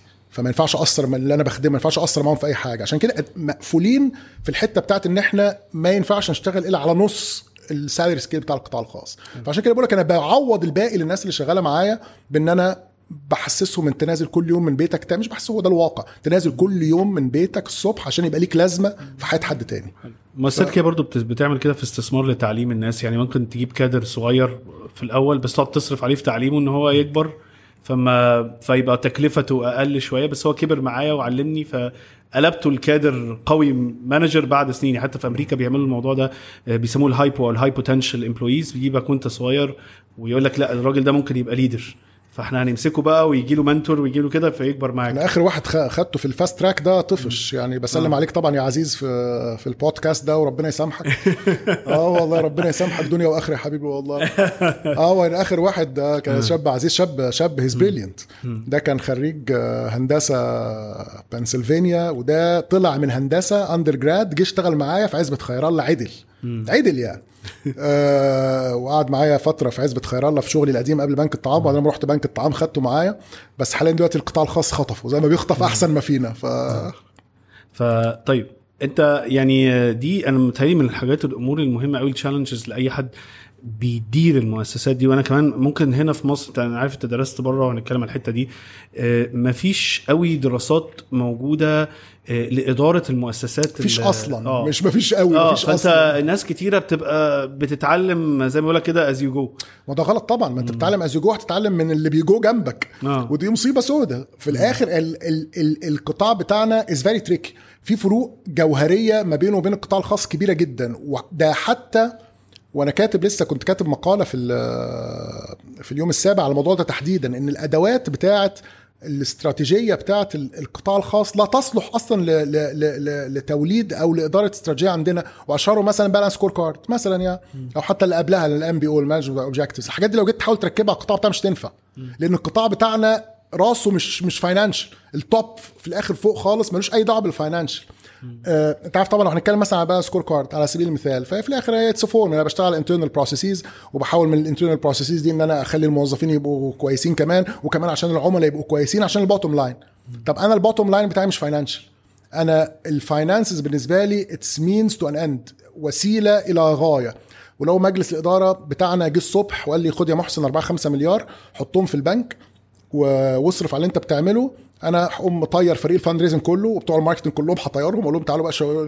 خليهم يشتغلوا اي حاجة تانية بقى يخدموا الناس ولا حد هيعرف عني حاجة في مصر. هفضل شغال من سكات وبخدم الناس من سكات ففي الآخر ده لو جيت بنفس المنهجية بتاعت القطاع الخاص دي حاولت تستراتيجايز أو حاولت تحط خطة استراتيجية لمؤسسة عندنا هتعمل حاجة آه ح- إيه أولوياتها غلط. خليني أقولها بالمنظر ده. أولوياتها غلط. فهتلاقي نفسك إن أنت بتحاول تحط أولوية أكتر على جمع المال عن الخدمة وتلاقي نفسك إن أنت ممكن تخدم الناس بالمشاريع بس اللي المجتمع عايز يدفع بيها. يعني تقول آه طب هي الناس عايز تدفع بإيه؟ يبقى ده اللي أنا هعمله. وده خطأ فادح في العمل العام خطأ فادح لأن أنت المفروض تعمل اللي بيفيد الناس مش بتعمل اللي شكله حلو وأنت بتطلب تبرعات عليه. أنا أتمنى أكون وضحت الديستنكشن آه فلكن للأسف أنت بتلاقي ناس كتيرة من القطاع الخاص أو يمكن من professions مختلفة تماما آه، ممكن حاجة أكاديمية حاجة آه، مهن تانية يعني لا علاقة لها بال- بالاداره الجمعيات الخيرية وبتمسك مؤسسات وتخيل إنها ممكن تنقل اللي اتعلمته 100% نفس ال playbook اللي هنا ممكن يدار هنا وده طبعا خطأ فادح. بل والدرس اللي أنا اتعلمته يمكن كان واضح تماما ليا لما جيت بنك الطعام تحديدا يعني من أربع سنين إن أنت حتى لو بتدير كذا كيان خيري ورا بعض ده ينطبق على ال business. ما ينفعش تمشي بنفس ال playbook تماما. أنت لما بتروح تدير مؤسسة أنا ببص له بالظبط زي الجواز. فأنت دلوقتي بتتجوز واحدة ليها طباع وليها حاجات بتضايقها وليها حاجات بتبسطها واحدة تانية ما ينفعش اللي بتطبقه هنا هتطبقه هنا. لأن ده بني آدم تاني. وكذلك المؤسسة. اللي هو ممكن بن يعني بنبسط الموضوع اللي بيسموه الثقافة المؤسسية. الثقافة المؤسسية دي هي نتيجة انصهار كل بني آدم شغال أو اشتغل أو هيشتغل في هذا المكان أرواحهم كلها بتتحول إلى شيء ما. فده الايدنتي بتاع هذه المؤسسة ما ينفعش تتعامل معاها زي بتتعامل مع مؤسسه ثانية فأنا كسي أو داخل بعمل حاجات معينة فأنا داخل بعمل 1 2 3 4 5 مش هينفعوا هناك خالص لازم أقضي وقت طويل خد بالك أنا برضو ال- الكلام ده أنا أنا أنا ال- المدرسة يمكن الأكاديمية اللي هي في الإدارة اتعلمتها في هارفرد اسمها adaptive leadership في الآخر هي بتدعو إن أنت لازم أول ما تخش مكان لازم تقعد تتفرج. تتفرج كتير لغاية ما تبقى فاهم إيه الكيان اللي أنت بتتعامل معاه ده. للأسف ما كانش ليا الفرصة في بنك الطعام إن أنا أتفرج لا دخلت على النار على طول. على طول مباشرة يعني يمكن تاني يوم يعني. بس لازم تقعد تتفرج وتفهم الكيان ده وتبدأ إيه تسايسه حبه حبه لغاية ما تلاقوا rhythm أنت ال pace بتاعك يتناسب مع ال pace بتاع الكيان ده هتقدروا تمشوا مع بعض. لو انت ابطأ من الكيان الكيان هيستهتر بيك. لو انت اسرع من الكيان التروس هتتكسر معاك وانت ماشي. ف it's very delicate balance very delicate balance ال ال أنا دايما مثلا حتى في في الحاجات الخيرية لأن دي دي جانب عند ناس كتيرة برضو بتبقى تقول لك طب أنا لو اشتغلت العمل الخيري وخدت فلوس منه هل دي مشكلة؟ هل ده أجر عند ربنا؟ مش عارف إيه. بس أنا دايما أقول لهم الكلمة قلت له أنت لو ما خدتش فلوس هتعمل هتعمل العمل الخيري ده مرة اتنين. وبعدين أنت عندك ولاد تاكلهم عايز تاكل عايز تأكلهم عايز تشرب عايز تعيش. فمش هينفع تعمل ده كتير أو هتعمله حاجة على جنب. لكن الكلام ده كنت ممكن تعمله زمان ومثلا المدينة كلها فيها ألف واحد. أما أنت دلوقتي بتتكلم مثلا شعب زي مصر بتتكلم في 110 مليون أو أكتر لازم الكلام ده يتعمل على مؤسسات والمؤسسات دي لو فيها موظفين ما بيدوراش ما حدش بيديرهم صح ما, ما بيقدرش يكفوا نفسهم فأنت كده بتزقهم إلى الفساد فاهم؟ فلازم يكفي نفسه. برافو عليك. ف... فأنا ده كان الرد بتاعي. ما أعرفش أنت هل واجهت الحاجات دي أو بتك... أكيد بتتكلم في الموضوع كل يوم. بنتكلم بنتكلم كل يوم. يعني أنا نفسي لما يعني لغاية دلوقتي يعني يعني مثلا ممكن أكون بقابل ناس مثلا لأول مرة أنت بتشتغل فين؟ أه بشتغل في بنك الطعام يعني طب أيوه يعني بتشتغل إيه بقى؟ يعني أنت بتشتغل في بنك الطعام ده أنت هم بيأسيوم إن أنت أكيد متطوع. طب أنت يعني بتشتغل إيه؟ لا لما أشتغل في بنك الطعام بس. فطبعا نواجه ده كل يوم. آه وفي الآخر متهيألي الإنسان لو لو أي إنسان يعني غمض عينيه كده وفكر شوية في الموضوع ما هو أنت في الآخر يعني بنك الطعام حاليا دلوقتي إحنا القدر اللي إحنا بنديره من الخدمات بيتخطى المليار جنيه. فإحنا بنخدم المصريين بأكتر من مليار جنيه كل سنة. خلاص؟ طيب هو مين البني هل أنا ينفع أجيب مثلا حد فرضا كان محاسب لات سيف مثلا آه محل صغير فيه ثلاث أفراد هل ينفع أجيب نفس هذا الشخص إنه يدير هذه المنظومة؟ متهيألي ده هيبقى فساد مني أنا شخصيا بقى. يعني ده هيبقى آه عدم اعتبار للأمانة اللي إحنا شايلينها. تحت ايدينا من ارواح الناس لأن خد بالك العمل بتاعنا عمل يحمل بعض الخطورة. انت بتخش بيوت الناس وبتأكلهم وبتديهم نصايح. ممكن تأذيهم بالنصايح دي فلازم النصايح والأكل ده يبقى طالع من ناس متخصصة. ولازم إدارة هذه الأموال لمنع أي فساد أو تلاعب فيها أو أي هدر لازم يبقى من ناس متخصصة وتقيلة. لو بتتكلم عن الموارد البشرية ما أنا لازم يبقى عندي ناس فاهمة كويس قوي إزاي تعين القوي الأمين وإزاي تقدر توفر له مسار جوه إن هو ما يقعدش شوية. فيحصل بقى اللي بنسميه cost of mis-hire فحد يجي لي يقعد 3 4 اشهر أدرب وأعلم وأعمل ويقوم ماشي فأضطر أجيب واحد تاني ودي بقى تكلفة عالية جدا. فلازم يبقى في ناس أكفاء عارفين هما بيعملوا إيه. آه أنا لو هبص نفسي إن أنا بحاول أحط فلوسي في مكان أنا هبقى عايز أحط فلوسي في مكان يقدر يحافظ على قيمة الفلوس دي ويوصلها لخدمة فعلا كويسة للناس. أنت زي ما تحط فلوسك في بنك. أنت لو واحد مثلا تحط في بنك فأنت عايز تخش تلاقي الناس شكلها فاهمة هي بتعمل إيه. لما تيجي تسأله أنت هتعمل إيه بفلوسي دي عارف يرد عليك رد يقنعك ويعرف يوعدك بحاجة إن فلوسك دي هيكبرها لك. لكن لو أنت رحت لواحد قاعد في كشك وحاطط جنبه كيس أسود يقول لك هات فلوسك اشغلها لك. خلاص براحتك بقى. ما هو في الآخر هي هي. يعني في الآخر هي هي بالظبط. انت دلوقتي بتختار ان انت تحط فلوسك في كيان منظم أو تحط فلوسك لحد يبدو عليه ان هو ممكن يبقى محتاج. فانت هنا ما عندكش اي ضمانات فلوسك دي رايحة فين؟ وده لا يفهم منه تماما. ان أنا بقول لو شفتوا حد غلبان في الشارع ما تدروش سيدنا النبي يعني كان بيقول لك لو حد جاء على صهوه جواد يعني. في الآخر أنا ما بقولش كده خالص خالص خالص. بس بقول في الآخر أنا بدي ناس في أنا بدي فلوس في الشارع. الناس ممكن حد أو شكله غلبان بديله. بس في الآخر أنا ببقى عارف ان ممكن غالبا هو ممكن يبقاش غلبان. لكن انت لما بتروح تحط فلوسك في كيان خيري منظم وطبعا الكيانات الخيرية المنظمه زينا إحنا أبوابنا مفتوحة. يعني لو أي مصري عايز يجي يقعد معايا يقول لي محسن وريني الميزانيات بتاعتك اتفضل وقول لي أنتوا بتقبضوا كام؟ هقول لك أنت بت... إحنا بنقبض كام؟ أي معلومات هيبقى عايز يعرفها هيخش يجي يقعد معايا في المكتب يعرف اللي هو عايزه. فيقدر يعرف فعلا الكيان ده شغال إزاي. أنا أحط فلوسي في حاجة قادرة فعلا تدير هذه الأموال. أنا برضو أنت قلت كلمة كويسة قوي أنت قلت اللي في استراتيجي فرق بين وضع الاستراتيجيات في القطاع الخاص والقطاع العام. والقطاع الخيري. أنا برضو يعني عايز أقول كلمة مهمة يعني إن أنت فكرة balanced scorecard أو الحاجات اللي إحنا عارفينها كلها ال gap analysis ومش عارف إيه وال SWOT هي دي عبارة عن tools دي أدوات تبني بيها الاستراتيجي. بس الاستراتيجي هي معناها الحقيقي أنت فن الوصول للهدف بموارد قليلة. الهدف ده ممكن يبقى هدف اقتصادي ممكن يبقى هدف سياسي ممكن يبقى هدف آه، خيري ممكن يبقى هدف. فأنا دايما حتى في ال- في الشغل معايا في ال- في ال leaders مؤسسات بهتم أكتر بال strategic thinking إزاي تعرف تفكر بطريقة استراتيجية مش إن أنت تتعلم ال tools ال tools دي ممكن على جوجل آه، هتلاقي فيديو يعلمك ال tool سهلة. لكن مهم قوي إن أنت تفهم الفكر اللي ورا ال tool من زي ال balanced scorecard scorecard وغيره وغيره بحيث إن أنت لو اتحطيت في القطاع الخاص تعرف تستعمل إيه وما تستعملش إيه لو اتحطيت في القطاع العام تعرف تستعمل إيه وما تستعملش إيه لو اتحطيت في القطاع الخيري تعرف تستعمل إيه وما تستعملش إيه. طيب انت قعدت في بنك أنا اسف قعدت في مصر الخيس كام؟ آه، خ- مصر خمس؟ سنين. خمسة. خمس سنين. وبعدين هل انتقلت التعليم آه، في تعامل الماجستير بتاعك وقفت في وسط الوقت ده ولا بعد ما سبتها؟ لا أول ماجستير بدات وأنا في مصر الخير آه وبعد كده سبت مصر الخير ورحت اشتغلت في الجامعة الأمريكية بالقاهرة. آه ما قدرتش أكمل كتير. طبعا الوظيفة هناك يعني كانت براقة جدا فشدتني بتدرس إيه؟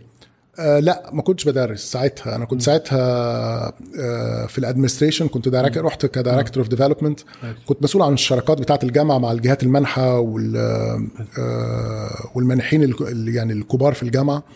آه وكنت بشتغل مع المراكز البحثية في الجامعة برضو إن إحنا نحاول نحول ال products اللي بتطلع منهم لحاجات commercialized آه بس ما قدرتش أكمل كتير لأن أنا اكتشفت في الوقت بص خد بالك أنا عمال أعرف نفسي لغاية دلوقتي.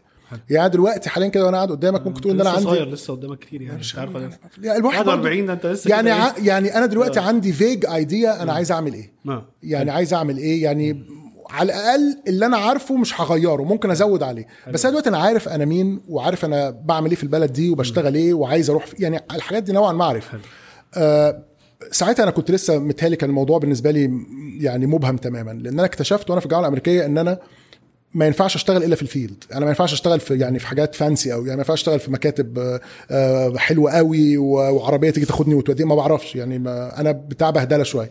قوي فقر انت فرحت بقى. فرحت والله العظيم ما هنسى ال- الجامعة الأمريكية. يعني أول يوم أول يوم دخلت والله العظيم كنت حاسس كنت أنا حاسس إن أنا مليون دولار تمشي على الأرض. والله بجد يعني. أنا طبعا بحب الجامعة الأمريكية. في تعلق بيني وبينها لأن والدتي الله يرحمها كانت بتدرس هناك برضه فكنت بروح بروح كتير قوي وأنا صغير يعني. اقعد معاها هناك فكنت داخل مش مصدق نفسي ما فيش يعني سبع ثمان أشهر مش ده ما ينفعش أقعد هنا. فرحت من الجامعة الأمريكية إلى عزبة خير الله. من أصعب وأخطر آه والله مباشره ودي بقى كانت يعني الصعبة بقى على الناس اللي حواليا. يعني دي كانت تقيلة بقى يعني. آه. كانت تقيلة عليا أنا يعني قعدت أفكر كتير جدا جدا طب إيه اللي كنت جدا. بتعمله هناك؟ وإيه طبيعة الشغل؟ و... ما انت لو جينا دلوقتي ب- أنا قلت لك ساعتها وصعب على الناس حواليك أكيد يعني. آه، طبعاً، يعني طبعاً. جامعة أمريكية وفي حتة برضو فيها المانحين ومكتب حلو وعربية لا واولادي كانوا هيخشوا ببلاش. خد دي بقى. يعني ما في الآخر أنا ده ده كانت أصعب حاجة سبتها إن أنا الولدين كانوا هيخشوا ببلاش الجامعة. قرار صعب. قرار صعب جدا آه. بس أنا في الآخر كان ما بين إن أنا آه، أستحمل وأموت ببطء واحس إن أنا بعمل حاجة مش عايز أعملها ومش ح... وأنت في الآخر أنت يعني عارف زي ما بيقولوا كده يعني ككليشيه أجان كليشيه صح مليون في المية ما أنت لو مش بتعمل حاجة ما, بتع... ما بتحبهاش عمرك ما هتوصل فيها لحاجة. مستحيل. لأن هيجي حد بيحبها وهيبقى أحسن منك. يعني الموضوع بهذه البساطة لو حاجة أنت مش بتحبها وبتصحى كل يوم عايز تعملها مش هتوصل لحاجة. أنت بتعتبر نفسك شخصية حالمة؟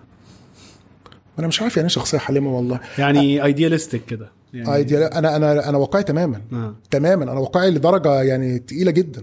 يعني ده أنا دلوقتي حتى يعني أنا بكتب كتاب حاليا يعني آه، اسمه Embracing Mediocrity يعني أنت لازم تحتضن ال ال ال الوسطية. لكن ال pursuit of excellence و perfection وكده يعني أنت دي بقت خرافة تماما يعني. خرافة بت بت بتقص رقاب كتيرة يعني في تحقيقها. بس قرار زي ده يعني خليني أقول لك برضو إن هو مش سهل يعني لا، مش سهل. خلينا نقول آه أنت برضو بيبقى عندك أسرة عندك الاولاد وعندك كذا وعندك مستقبلهم آه قرار زي ده آه ممكن حد من بره يقول لك طب أنت ما تعمل ده على جنب ووفر لاولادك تعليم أحسن مش عارف إيه ما هو ما ما هو على جنب ده آه. بقى على جنب زي ما أنت يعني وضح يعني لمحت في نص كلامك وزي ما أنا دلوقتي كواحد يعني عايش في جوه القطاع الخيري ده ما فيش حاجة اسمها على جنب. انت على جنب ده اخرك هتفضي ساعة في الأسبوع ساعتين في الأسبوع لكن هتعملها إزاي على جنب؟ يعني إحنا كلنا كناس م- يعني موظفين يعني full time إحنا ما- أصلا يا- دوبك أصلا بنشوف ولادنا. يا دوبك. يعني ال weekend انت بس بتصحى تشم نفسك تصلي الجمعة تلاقي نفسك في الشغل تاني يوم. فهتعمل ده على إيه؟ فين الجنب ده؟ اللي إحنا هنعمل عليه في, في ناس الحاجة؟ تقول لك الأقربون أولى بالمعروف. آه. وخد بالك الأقربون اول بالمعروف دي يمكن من أكتر الحاجات اللي أنا بتكلم عليها في بنك الطعام. لأن إحنا الأقربون لناس كتيرة جدا ما لهمش حد جنبهم زي ما أنا قلت لك في الأول. يعني آه طبعا أنا حتى بقول لحد طب ليه؟ طب أنا أدي الناس اللي حواليا أقول له كويس قوي ادي الناس اللي حواليك بس أنت في ناس عمرك ما هتشوفهم. خد بالك إحنا السيركلز بتاعتنا هي واحدة. يعني أنت بتشوف ناس هم هم هم نوعا ما الناس اللي أنت بتشوفهم. لكن في ناس محتاجة في أشد الاحتياج في أماكن كتيرة جدا من مصر. مفيش حد جنبهم خالص إلا الدولة طبعا ببرامج واسعة جدا زي التكافل والكرامه مثلا والتموين وكده والجمعيات الخيرية. غير كده محدش هيشوفهم محدش هيحس بيهم يعني. نرجع بس الموضوع آه. آه. نرجع لموضوع ده كان crossroad يعني. ده ده أكتر حاجة يعني. أنا دايما ب يعني بفخر بنفسي إن أنا باخد قرارات على طول on the fly على طول يعني. يعني ممكن آخد أصعب قرارات في الدنيا من غير ما أفكر كتير. بالنسبة لي الحاجات منطقية. يعني بمشي بال بال بال- بال logic بتاعي وبرضه ربنا ما بيخيبنيش فيه الحمد لله. بس ده قعدت أفكر فيه فترة قعدت على الأقل شهرين. أفكر واصلي استخارة يعني كتير جدا. لأن زي ما قلت لك كان في حاجات كتير قوي at stake يعني من ناحية كان في آه، سلامتي أنا النفسية. أنا ما كنتش قادر أروح تاني خلاص. دلوقتي طبعا لما طلعت من الجامعة الأمريكية رحت بعد كده أدرس فيها وبحبتها جدا خلاص. بس بعد ما طلعت يعني وأصدقائي هناك كله بس كموظف ما قدرتش أستحمل. تمام. آه أنا خد بالك هو مش عيب في المكان هو عيب في تكويني أنا. لا لا ده ده عيب في تكويني أنا. يعني. ليه؟ لأن أنا هناك حسيت إن أنا ريبليسبل ده اللي أنا كنت بتكلم معاك فيه يمكن في, أنت ممكن في أول الحلقة. فأنا لو. شالوا محسن لو شالوا اسم محسن من على المكتب وجابوا اولا لو شالوا اسم محسن من على المكتب وفتحوا الوظيفة مليون واحد هيقفوا. مليون واحد. آه ثانيا ممكن بسهولة يلاقوا ناس أحسن مني. لكن أنا بلاقي نفسي في الأماكن اللي بيبقى صعب إن يتم استبدالي. بحس إن أنا كده ليا لازمة. وده اللي يخليني ما أعرفش اشتغل مثلا في في الغرب. لا اعرف اشتغل في أمريكا ولا اعرف اشتغل في إنجلترا. يعني ما أعرفش. ليه؟ لأن هم مش محتاجيني قوي. المنفعة الحدية بتاعتي أو ال value بتاعتي هناك ضئيلة جدا مقارنة بال value بتاعتي في مصر. لأن عدد الناس اللي اللي متعلمين أو اللي عارفين اللي أنا عارفه مش بحاول يعني لا يعني حاشا لله يعني أنا يمكن أنا عارف إن أنا أقل حد يمكن في الدنيا. بس في الآخر أنا لما كنت بدرس في الجامعة في أمريكا إحنا كلنا شبه بعض. يعني كل خلاص أنت قاعد في classroom في هارفرد أنت شاب متوسط. الناس معظمهم أشطر منك. فأنت هناك ال value بتاعتك مش عالية. ده حتة يعني خلينا برضه نقول دي دي top point 011 من المجتمع الأمريكي برضه خلي بالك. الحمد لله. ما هو الأمريكان نفسهم يعني- يعني, بيبقوا امنيه آه. حياتهم يخشوا يعني هناك آه وكانوا- يعني ده مش مش ده ال average أمريكاني خالص يعني. بس again أنا في مصر هنا حاسس إن أنا يعني ممكن يكون ربنا هيستعملني لحاجات تدي فايدة للناس أكتر. جميل. زائد بقى حاجات شخصية جدا إن أنا مش متعاطف إلا مع المصريين ودي مشكلة بقى فيا أنا يعني فأنا دول اللي أنا بتعاطف وعايز أساعدهم. نرجع لل experience نرجع لل experience قعدت. أفكر كتير جدا. سلامتي النفسية كانت من ناحية. ولادي اللي هيخشوا الجامعة الأمريكية ببلاش من ناحية. والناحية الثانية برضو خد بالك كان في حاجات functional شوية. يعني كانت في حاجات بالعقل. إن أنا كنت رايح من director ل CEO خير وبركة. ساعتها كانت جمعيه آه، بقالها كتير جدا كان بقالها تقريبا 14 سنة لما أنا رحت. وال board هناك هم سيدات فاضلات يعني بشكرهم آه، واحدة واحدة دلوقتي يا رب يكونوا آه، بيسمعونا يعني. يعني من أشرف ويعني وأرقى المجالس الادارات اللي أنا اشتغلت معاها في حياتي. ناس فعلا مش عايزين حاجة في الدنيا إلا إنهم يخدموا. بس مش عايزين حاجة تانية خالص. عايزين يخدموا عايزين كانوا بقى في الوقت ده بيحاولوا يبدأوا نفس الرحلة بتاعه مصر الخير وبنك الطعام زمان إن هم طب إحنا عايزين ن institution نبقى عايزين نحاول نمأسس, نمأسس نفسنا. فالأول كنا إحنا. مثلا المجلس الإدارة كان يعني هم اللي بينزلوا بنفسهم وهم بي form زي team فحد من ال board نفسه متطوع فبيعمل team ويبدأ يشتغل. ودي مش طريقة مستدامة خالص خالص يعني. صحيح. لأن في الآخر ال board هو متطوع ففي الآخر هو متحمس وعايز يشتغل شوية بعدين ممكن يجي له حاجة هيسيب اللي بيعمله ده ويروح يكمل فيها ويجي تاني وفي الآخر ده مش طريقة إن أنت هتوصل لأي حاجة لا في ال business ولا في غير ال business آه، فجابوني ك CEO فدي بالنسبة لي أنا قلت أنا عايز أنا حاسس إن أنا دلوقتي أنا عارف ما يكفي إن أنا أقدر أعمل فرق في المنطقة دي.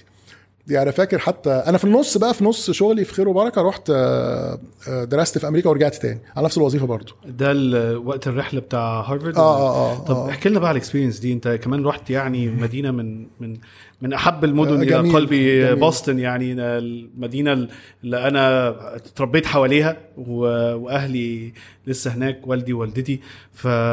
فأنا بحبها يعني كان في حتة كده في القلب أنا بحبها يعني مدينة جميلة. بحبها جدا احكي لنا على ال experience دي واحكي لنا على ال... ال... تجربة الدراسة في واحدة من أكبر الجامعات في العالم بالذات في التخصص اللي هو ما لقيتوش أنت في مصر بص طبعا هي حاجة تجربة ما تتحكيش خ- قوي يعني يعني ما صعب قوي تحكيها يعني بس ممكن أديك بعض ال ال ال ال اللمحات يعني من إيه اللي أنا طلعت بيه. اولا أنت هناك كل اللي بيدرسوا لك بنسبة كبيرة جدا هم اللي كتبوا هذه المادة. يعني يعني أنت عندك ناس مثلا زي كليتون كريستنسن مثلا هو الراجل هو اللي مؤلف كتب ال innovation مثلا أو مايكل بورتر أو يعني الناس اللي هي اللي كتبت الحاجة نفسها أنت عارف Porter forces والحاجات. ففي الآخر أنت دول الناس اللي بيدرسوا لك. فاللي درس لي أنا طبعا الكلام بتاع دول الناس المشهورين مثلا لكن في ناس أقل شهرة بس هم ال authority أو هم اللي مؤلفين مجالهم. مثل يعني الله يرحمه واحد اسمه جون راجي فجون راجي ده كان مساعد كوفي عنان للاستدامة وهو اللي كاتب ال UN Global Compact بإيده. دي طبعا ال UN Global Compact دي يعني, يعني معلش بالعربي ولا إيه؟ آه آه لا صعب يعني بس أنا آسف بس بس- الأمم المتحدة آه، ميثاق الأمم المتحدة في إيه؟ ما هو أنا مش مش فاكر. Compact إيه؟ Compact UN Global Compact إيه UN Global Compact ده أنا هشرحه آه، يعني. نشرحه. هو في الآخر دي زي آه، مجموعة من المعايير شركات القطاع الخاص بتلتزم بيها آه، سواء في العمل أو في ال reporting أو يعني في في التقارير على التزامها بأسس المسؤولية المجتمعية والاستدامة واحترام المجتمعات اللي هي شغالة فيها. فدي اتفاقية عالمية تبع الأمم المتحده هو اللي كتبها. هو هو اللي مألفها. حاجة دي تانية اسمها المدر... يعني عارف هو مؤسس المدرسة آه مش في حاجة مدرس اسمها يعني. في حاجة تانية اسمها GRI اللي هي ال Global Reporting Initiative دي برضو آه، شبيهة بيها. هو برضو الراجل اللي كاتب ثلاث أرباع. واحد تاني مثلا الله يرحمه برضو اسمه كالوستوس جوما ده كان آه، كيني. في الآخر ده راجل هو من آه، مؤسسي علم ال social innovation في العالم. هو ده اللي درس لي innovation كان اخر أنا كان آخر class يدرسه لي يعني وأنا ب يعني ب بفتكره على طول بال يعني بديله بالرحمة والخير والله. وهناك كان آه، يعني ال social innovation هو الابداع الاجتماعي. الابتكار. أو الابتكار الاجتماعي. أنا فاكر الراجل ده كلمني قبل ما يموت بيومين في التليفون. وما كانش يعني دي حاجة كان غريبة يعني إنه يعملها يعني. ف... فقال لي يا محسن أنت when you go to Egypt you will do great things. يعني فاكرها أنا فاكرها كأنها امبارح يعني. ف وحتى مات ما كانش حرام آه، لحق حتى ي- ن submit ال final papers يعني هم اضطروا بقى يدوا الدفعة دي كلها pass fail يعني ما ادوناش grade لأن ما حدش ما حدش هيصلح فقال لك خلاص بقى كل الناس اللي خلصت ال course work بتاعها على مدار السنة اديهم منهم نجحوا من غير grade فرقت معاك ال- التجربة دي ال- السما من الأرض يعني غ- يعني تماما فرقت إيه؟ معايا تماما. إيه الأكتر حاجات حسيت إن هي فرقت معاك و... ونورت معاك بعد ال... بص أنا كان عندي وقت هناك طويل جدا أتكلم مع نفسي. يعني دي كانت أول مرة من ساعة ما خلصت جامعة إن أنا مسؤوليتي بقت يعني محطوطة بس في في إن أنا بتعلم. آه زي ما قلت لك أنا خلصت جامعة تاني يوم كنت بشتغل بعدها بيومين ثلاثة كنت متجوز بعدها بيومين ثلاثة بقى عندي عيال. فدي كانت بالنسبة لي آه أول مرة أحس إن أنا لا أنا ملوش حاجة إلا أدرس. فأدرس طب أتكلم مع نفسي بقى. ففضلت كنت بمشي كل يوم بالساعات. بقعد اتكلم مع نفسي لغاية ما انتهت هذه الرحلة ان أنا كتبت زي ورقة مفهوم كده. أنا إيه؟ يعني انت عارف دلوقتي من لما بنيجي في ال- personal values كده إحنا عندنا في في التنمية يعني لازم اي مشروع بيبدأ ان إحنا بنكتب حاجة اسمها concept note ورقة مفهوم. ورقة مفهوم دي بتبدأ آه، بحاجة اسمها الاثر. وبينزل تحته مستوى تاني اسمه مستوى النواتج. وتحت مستوى النو... عارف زي ال fishbone analysis بتاعت ال- الهندسة أو ال Ishikawa diagram أو كده؟ شبهها قوي وتحت النواتج بتحط المخرجات وبعدين المدخلات والأنشطة. فانا حطيت المؤثر. أنا كبني آدم لو أنا هعتبر نفسي مشروع محطوط هنا في الدنيا المشروع ده بيعمل إيه؟ وإيه اللي المشروع ده؟ يعني اعتبرت نفسي كمشروع ربنا حطه في الأرض. بيعمل إيه المشروع ده؟ وكتبتها. لسه راجع لها على فكرة من يومين ثلاثة. آه مع إنها لما كنت رجعت لها الحاجات دي لما ترجع لها يعني بتبقى جميلة أنت تبص عليها وهل أنت اتغيرت من الوقت ده للوقت ده؟ بتتخض. يعني يعني أنا. قعدت أنا دلوقتي متخرج 2000 و... مع إنه مش زمان قوي يعني أنا آه. متخرج 2018 فدلوقتي بقى لي يعني آه، خمس سنين. لا يعني لما قريتها قريتها من يومين ثلاثة مع أنا كنت واعد نفسي إن أنا كل ست أشهر هراجع عليها. لا ما يعني أول ست أشهر عملتها وبعدين من يومين ثلاثة بقى اللي شفتها تاني. في العمر من 35 سنة أو من 36 سنة 41 سنة آه، دي يعني فترة قوية جدا في حياة الواحد لأن بيبقى فيها قرارات صح كتيرة. صح. فلما رجعت لها لا اتخضيت شوية يعني بس الحمد لله رب العالمين إن أنا يعني كل كلمة فيها أنا مقتنع بيها لغاية دلوقتي وما فيش أي حاجة كتبتها محتاج أغيرها خالص يعني. آه يعني أنا فاكر كويس قوي إن أنا الإمباكت اللي كتبته اللي هو الأثر ال- الكبير يعني إن أنا آه أحاول على قد ما أقدر أقتنع وأعرف إن في الآخر الإنسان في رحلة. فما يحاولش إن هو آه يعني يحرق في هذه الرحلة على حساب المنتهى. ف وتحتها إن أنا أحاول إن أنا أنا حس... أنا عارف إن أنا بتكلم كلام شكله يعني شاعري يمكن و... وفلسفي شوية بس بمعنى اصح يعني إن هنموت يعني. فلو أنت عارف إن أنت مقتنع تماما إن أنت هتموت فأنت مش هيبقى مكلبش قوي في اللي بيحصل دلوقتي وتلاقي نفسك ممكن تاخد قرارات وممكن إن أنت تيجي على ناس أو قيم أو حاجات وتأثر على المكان اللي أنت الأتوبيس ده رايحه في الآخر. أنا شايف ان انت ما ينفعش تشتغل في عمل خيري إلا لما تبقى عندك الحتة الفلسفية دي. لازم لازم ال... يعني الربط انت حتى قلتها انت قلت حتة القلب ربط القلب بالبزنس والشغل وكده. مش هتعرف القلب تكمل مش. هتعرف تكمل مش هتعرف تكمل لأن لأن ما بن... واقع ما, بن... ما بنعرفش ندي فلوس زي القطاع الخاص. صحيح. ما بنعرفش ندي آه، برستيج يعني أنا دلوقتي بقى أنت شغال فين؟ أنا regional مش عارف Exxon Mobil في حاجات كده. بقى حاجة وكرافتات وبدل وحاجات جميلة جدا.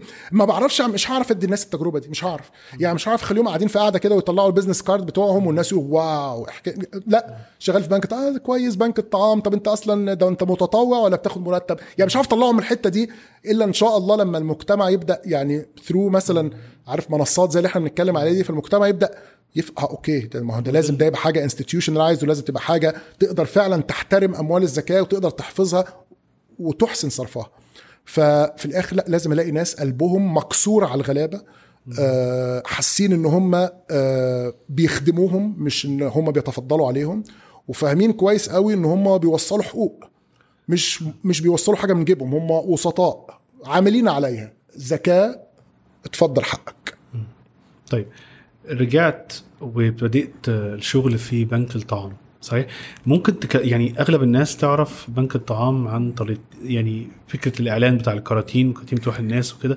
لو ممكن تتكلمنا شوية عن بنك الطعام من وجهة نظرك وإيه اللي بتعملوه وكده وإيه الرول بتاعتك دلوقتي؟ شهادتي مجروح آه. لأن أنا بنك الطعام أنا وأنا جواه حاسس إن هو أجمل مكان في مصر. فيعني شهادتي مجروحة جدا بس على الأقل يعني. اشرح اشرح للناس اللي ما تعرفش كتير عن بنك الطعام. إحنا مؤسسة آه، بقالنا 20 سنة دلوقتي. وأنا يعني خليني أبدأ وأقول لك إن أنا لما كنت في خير وبركة وهي مؤسسة عظيمة برضو والحمد لله رب العالمين ربنا من عليا أنا كنت رايح خير وبركة إحنا كنا 14 واحد أنا ماشي بيها يعني ماشي بينا وإحنا معديين ال 300 موظف. كنت ما يعني كنت الأول كنا شغالين في منطقة عزبة خراره فقط أنا ماشي بينا وشغالة في ثلاث محافظات وحاليا دلوقتي من أقوى الكيانات آه، الخيرية اللي شغالة في مجال محدد تماما وهو مجال ال- الحضانات الأهلية. وتعتبر اوثورتي في هذا المجال دلوقتي. طيب انت رجعت من آه، من الدراسة في أمريكا وابتديت آه، في بنك الطعام. حابب بس تدينا نبذة للناس اللي ما تعرفش بنك الطعام ممكن بره مصر أو كده. إيه هو بنك الطعام وإيه اللي بيقدمه آه، أنا طبعا لما رجعت من أمريكا قضيت كمان لسه سنة في خير وبركة في عزبة خير الله وبعدين I moved لبنك الطعام. آه، بنك الطعام آه، شهادتي فيه مجروحة لأن أنا شايفه أجمل مكان في مصر. آه، وببقى عايز كل يوم أروح mainly عشان اقابل زمايلي. فببقى رايح أصلا عشان اقابل الناس يعني. أه واتكلم معاهم. أنا كنت لسه قاعد مع ال executive team عندي قلت لهم خدوا بالكم أنا ال motive الأساسي ليا إن أنا بنزل من بيتنا كل يوم عشان أشوفكم. اشوفكم وأتكلم معاكم لأن أنا شايف إن ده دور الليدر الأساسي إن هو يبوند الناس مع بعض. وخلينا نتكلم على ده يعني آه، أكتر يعني كمان شوية. آه، بس بنك الطعام طبعا مؤسسة بقى لها 20 سنة آه، بتخدم في مصر. آه، تمويلها الأساسي من فلوس زكاة المصريين. آه الحمد لله بنوصل لكل مكان في مصر يعني شغالين في ال 27 محافظة آه في أكتر من 70% من قرى مصر آه في معظم المراكز في مصر. آه هدفنا إن إحنا بنحول الزكاه إلى خدمات بتخدم آه عبر ثلاث برامج أساسية. فإحنا عندنا برامج آه، بنسميها برامج ال- الحماية أو الأمن الغذائي. فإحنا عندنا أكتر من 100 ألف أسرة عبر ال 27 محافظة بنوصل لهم آه، حزمة من ال- ال- المواد الجافة كل شهر. آه، الحزمة دي طبعا بتبقى مصممة مش عشوائيا إحنا مصممينها بعناية فائقة إنها تضمن معظم العناصر الغذائية اللي الناس بتحتاجها. آه وبنحاول إن إحنا طبعا بنبقى عارفين آه الأسرة دي غالبا بتاخد قد إيه من التموين أو لو بتاخد مساعدات من جامعات تانية وبنديهم حاجة تقدر تقفل الفجوة الغذائية عندهم. آه، البرنامج الثاني وإحنا بنخدم فيه حوالي آه، يعني من 40 ل 50 ألف آه، طفل مصري كل يوم. فإحنا بن آه، التغذية المدرسية مثلا إحنا حاليا متولين آه، أكتر من 44 مدرسة ابتدائي وبنودي للأطفال وجبة ساخنة يوميا. آه، بدأنا نشتغل كمان في الحضانات الأهلية أظن شغالين على حوالي آه، 2000 طفل حاليا دلوقتي. الحضانات الأهلية اللي تبع وزارة التضامن الاجتماعي اشتراكاتها بتبقى مثلا 100 جنيه 150 جنيه يعني. ف... ودي هدفها الأساسي إن السيدات يلاقوا مكان يقدروا يسيبوا أطفالهم فيه ويقدروا يشتغلوا عشان يقدروا يصرفوا عليهم. آه، فده برضو بدأنا في التغذية فيهم وبعد بدأنا برضو مؤخرا في برنامج آه، للتقزم. التقزم مرض آه، خبيث ودمه تقيل جدا وعلاجه الأساسي إن الطفل يأكل. آه، السيدة لو ما كلتش بنسميها الألف يوم الذهبية يعني السيدة لو ما كلتش من أول فترة الحمل لمدة ألف يوم كويس فبتجيب طفل بيعاني من ظاهره التقزم. التقزم الطفل بيقف عند حد أقصى ذهني وجسماني فهو عمره ما هيبقى زويل وعمره ما هيبقى مجدي يعقوب وبيتسرق ده منه من وهو في بطن أمه. فإحنا بنحاول إن إحنا نكافح هذه الظاهرة آه، بكل ما أوتينا من قوة عبر برضو معظم آه، محافظات الجمهورية. وأخيرا وليس اخرا آه، إحنا بنشتغل في منصة اسمها التمكين فإحنا حاليا دلوقتي بنحاول وده إحنا بنقتبس آلية آه، من آليات القطاع الخاص بتسمى العمل الشمولي. فإحنا بنحاول ندخل الفئات اللي قادرة بقى على العمل الفئات اللي اتكلمت عليها في الأول فئات غير قادرة على العمل. الفئات اللي قادرة على العمل بنحولهم إلى منتجين لحاجات بنشتريها منهم ونديها لناس غير قادرة على العمل يعني كتبسيط للأمور. فمثلا هنقول محصول زي البلح. اللي إحنا بنحطه في الكراتين للناس. المحصول ده بنسبة 100% إحنا بنورده من أسوان وقنا عن طريق المئات من المزارعين اللي إحنا بنتفق معاهم على هذا المحصول الأول. ولما بيجي وبنفضل نساعدهم بقى طول ال- ال- العروة يعني زي ما بنقول بنساعدهم بإرشاد زراعي وبتقاوي وبأسمدة وبمبيدات وفي الآخر إحنا بنشتري منهم المحصول كله. وهم كده بي بيوصل لهم دخل عادل وآمن ليهم. وناخد المحصول ده نحطه في كراتين ونديه لناس تانية ما بتشتغلش. باختصار ده طبعا بإيجاز شديد يعني. طيب في ناس كتيرة يعني بيبقى عندهم انتقاد أو تساؤل على كتير من الجمعيات الخيرية يقول لك أنا طب إحنا بندي الكرتونة الأكل للناس دي بتروح لهم. بعدين نفس السنة نفس الناس نفس الناس بيفضل دايما في حاجة. فأنا مش عارف أدخل ناس جديدة في الموضوع ولا الناس اللي هو بيجي لهم الأكل أو بيجي لهم الحاجات دي بيبقى هو منتج فبيخرج بره المنظومة دي هو بيفضل جزء منها. ف- فيقول لك أنا كده ما بتحلش المشكلة أنت بس بتحط زي ما بيقولوا كده بلاستر عليها وبتفضل المشكلة موجودة والعدد بيتفاقم. سؤالك جميل جدا وده سؤالك طبعا ممكن يكون بيمثل بال- باللي إحنا بنسمعها على طول في عالم التنمية يعني اللي هو أعطي الفقير علم الفقير الصيد ولا تعطيه سمكة. وطبعا اعطي الفقير آه، علم الفقير الصيد ولا تعطيه سمكه ده مثل صيني لا ينطبق على كل شيء. ليس هو بقرآن ولا ليس هو حقيقة مثبتة ومنقوشة في الصخر ده مثل صيني ينطبق على بعض الخدمات التنموية فقط. خليني أؤكد لك آه، وزي ما إحنا عارفين الحقيقة دي وكل حد بيتعامل معانا عارفها إن في فئات من المجتمع ما ينفعش تشتغل. ما هو انت مهما حاولت تمكنه مش هينفع يمكنه. فالحل الوحيد ان انت تأمن لهم احتياجاتهم الأساسية كحق ليهم مش كأي نوع من الفضل والت... يعني إن إحنا بنمن عليهم بحاجة.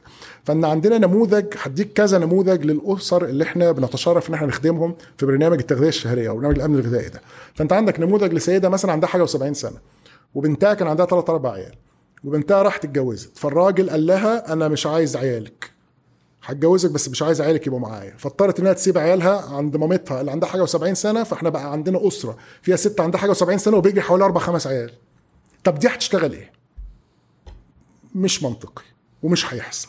نموذج تاني لناس كبار في السن. فحد طريح الفراش كبير في السن. هيشتغل إزاي؟ ما أنا لازم اودي له أكل لحد عنده.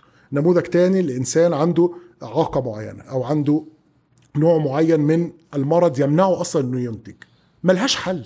فانت هيفضل والناس دي في مصر وفي غير مصر مئات الملايين مئات الملايين حول العالم في نفس الحالة دي وكل دول العالم وأكثر دول العالم تقدما عارفة إن في فئات من المجتمع لازم تديها إعانة توصل لحد الباب البيت. أنت قلت أنت عارف أنت عشت في أمريكا. أمريكا برنامج كبير جدا اسمه SNAP. اللي هو Supplemental Nutrition Assistance Program اللي هو بطاقة التموين. عندهم في أمريكا بطاقة تموين. وعندهم في أمريكا إعانات بتوصل للناس cash transfer ساعه الكورونا لما لقوا إن الناس هيتأثر شغلها قعدوا يبعتوا للناس شهريات وفلوس وفلوس وفلوس قد كده لغاية ما في الآخر ملهاش حل. لكن إحنا الناس اللي قادرين يشتغلوا لأ أنا كبنك الطعام بحولهم إلى منتجين وكمان أنا يعني أنا الصراحة البرامج بتاعت يعني التمويل متناهي الصغر وإن إحنا ندي الناس مشاريع صغيرة وكده جميلة جدا. بس في الآخر أنا ما بخشش في الحتة دي إلا لو أنا اللي هشتري. لأن أنا برضو مقتنع تماما إن مش كل الناس قادرين إن هم يبقوا رواد أعمال. ما أنت ما ينفعش تجيب حد عمره ما اشتغل وتديله مشروع وتتخيل إن هو غالبا هينجح فيه لوحده. أنت لازم تفضل مع الناس دي فترة طويلة جدا واقف جنبهم لو أنت قررت إن أنت تسيبهم يبيعوا للسوق الخارجي. لكن أنا عشان امنهم أنا اللي بشتري منهم. فأنا. الناس اللي قادرين يشتغلوا بشغلهم في المجالات بتاعة سلاسل الغذاء اللي أنا أقدر أشتري منهم وأحط ده في الكراتين لناس تانية. حلو. طيب في حاجة حتى في يعني في الشريعة الإسلامية هي بيسموها بره الإنداومنتس وهنا في, في الشريعة الإسلامية بيسموها الأوقاف. فالكثير قوي من الجمعيات الخيرية في الفترة اللي فاتت والأوضاع الاقتصادية والصعوبات اللي بتحصل للناس والدولار والكلام ده كله كانوا بيشتكوا يقول لك خلاص الصدقات قلت والزكاه قل والجمعيات بقت كتيرة والناس بقت تقول لك طب أنا بدل ما كان معايا مثلا 100 جنيه آه، أديها بقى معايا أديها لأكتر من جمعية بقى دلوقتي معايا 10 جنيه يا دوبك هو ده الزيادة فهو يا اخري واحدة أو اتنين مش الجمعيات الكتيرة دي. فهل يعني أنتوا من عندكم بتحاولوا تشوفوا طرق مختلفة للاستدامة والاستمرار آه، عشان تكملوا حتى مع نقص في الصدقات والزكاة بسبب الأوضاع الاقتصادية؟ دي حتى في ال في ال في ال يعني الناس تقرأ فيها في حتة الأوقاف يعني الأوقاف دايما بتبقى آه، بيبقى حتى بيسموها سوشيال enterprise هو بيبقى مكان غير هادف للربح بس بيبيع منتج أو بيعمل خدمات فالخدمات دي بتصرف على الموظفين والزائد منها ما بيبقاش أرباح لل board بس بيبقى آه، بيتحول إلى جزء منه إلى زكاه فهل أنتوا بتعملوا حاجة زي كده؟ سؤالك جميل جدا ودي المعضلة دي على فكرة موجودة في في معظم الكيانات الخيرية حوالين العالم. اللي هم إزاي يضمنوا استدامة الكيان نفسه.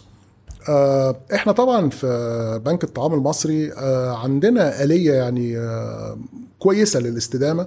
إحنا عندنا مزرعة كبيرة للأبقار في البحيرة والمزرعة دي بتبيع لبن والمزرعة دي يعني تم إنشائها بدون الاعتماد على قرش واحد من أموال الزكاة والصدقة. ده كان كله آه، تبرعات عينية ومساهمات من أعضاء مجلس الإدارة في الوقت اللي انشات فيه هذه المزرعة. والمزرعة دي بتوفر لبنك الطعام دخل مستدام كويس جدا. بس الدخل المستدام ده لا يمثل مثلا آه، أقل من 10% من آه، من موارد بنك الطعام.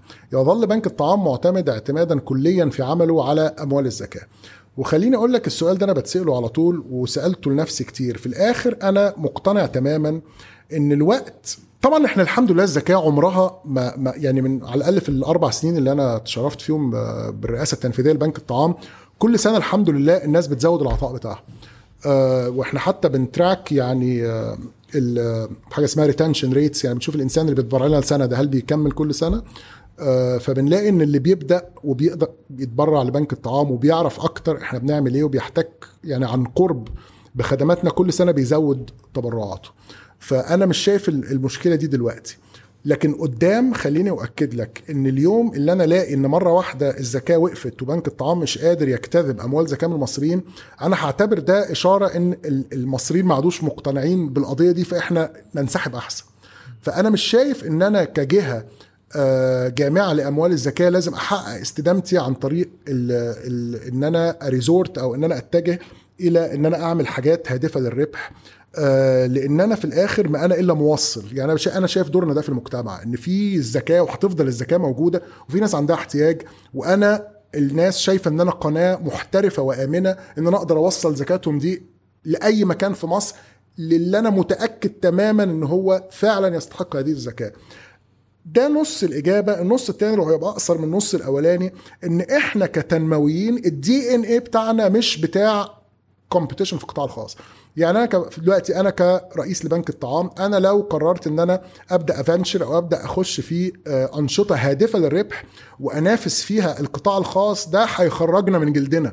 إحنا مش مش دي التركيبة المهنية والتركيبة النفسية لينا ان إحنا نخش ننافس في أسواق. إحنا آه، بتوع خدمة أكتر. فده اللي إحنا بنفهم فيه. إحنا بنفهم ان إحنا نروح لناس غلابة ونحاول ان إحنا نشد بأزرهم ونساعدهم. ما نعرفش ان إحنا نروح لعملاء ونروح نبيع لهم حاجة ونعمل بروفيت ما بنعرفش. فدي يمكن الإجابة الأقصر من الأولانية يعني. طيب. محسن إيه معنى القيادة بالنسبة لك؟ وتفتكر إيه الفرق بين القيادة في المجال القطاع الخاص والقطاع العام أو القطاع الخيري؟ القطاع الخاص صراحة القيادة فيه آه، يعني بص الاثنين صعبين جدا جدا يعني. والاثنين شيلة تقيلة جدا على اللي عايز فعلا آه، يقوم بدوره. لأن في الآخر لو هلخصها بكلمة واحدة يعني لو قلت لي كلمة واحدة أقول لك كلمة واحدة قلت لي كلمتين هقول لك كلمتين. كلمة واحدة مسؤولية. ففي الآخر يعني أنا دايما بشوف إن أنا أول ما بحط رجلي جوه بنك الطعام أنا مسؤول عن أي حاجة تحصل ولو حنفية اتكسرت هي في رقبتي أنا.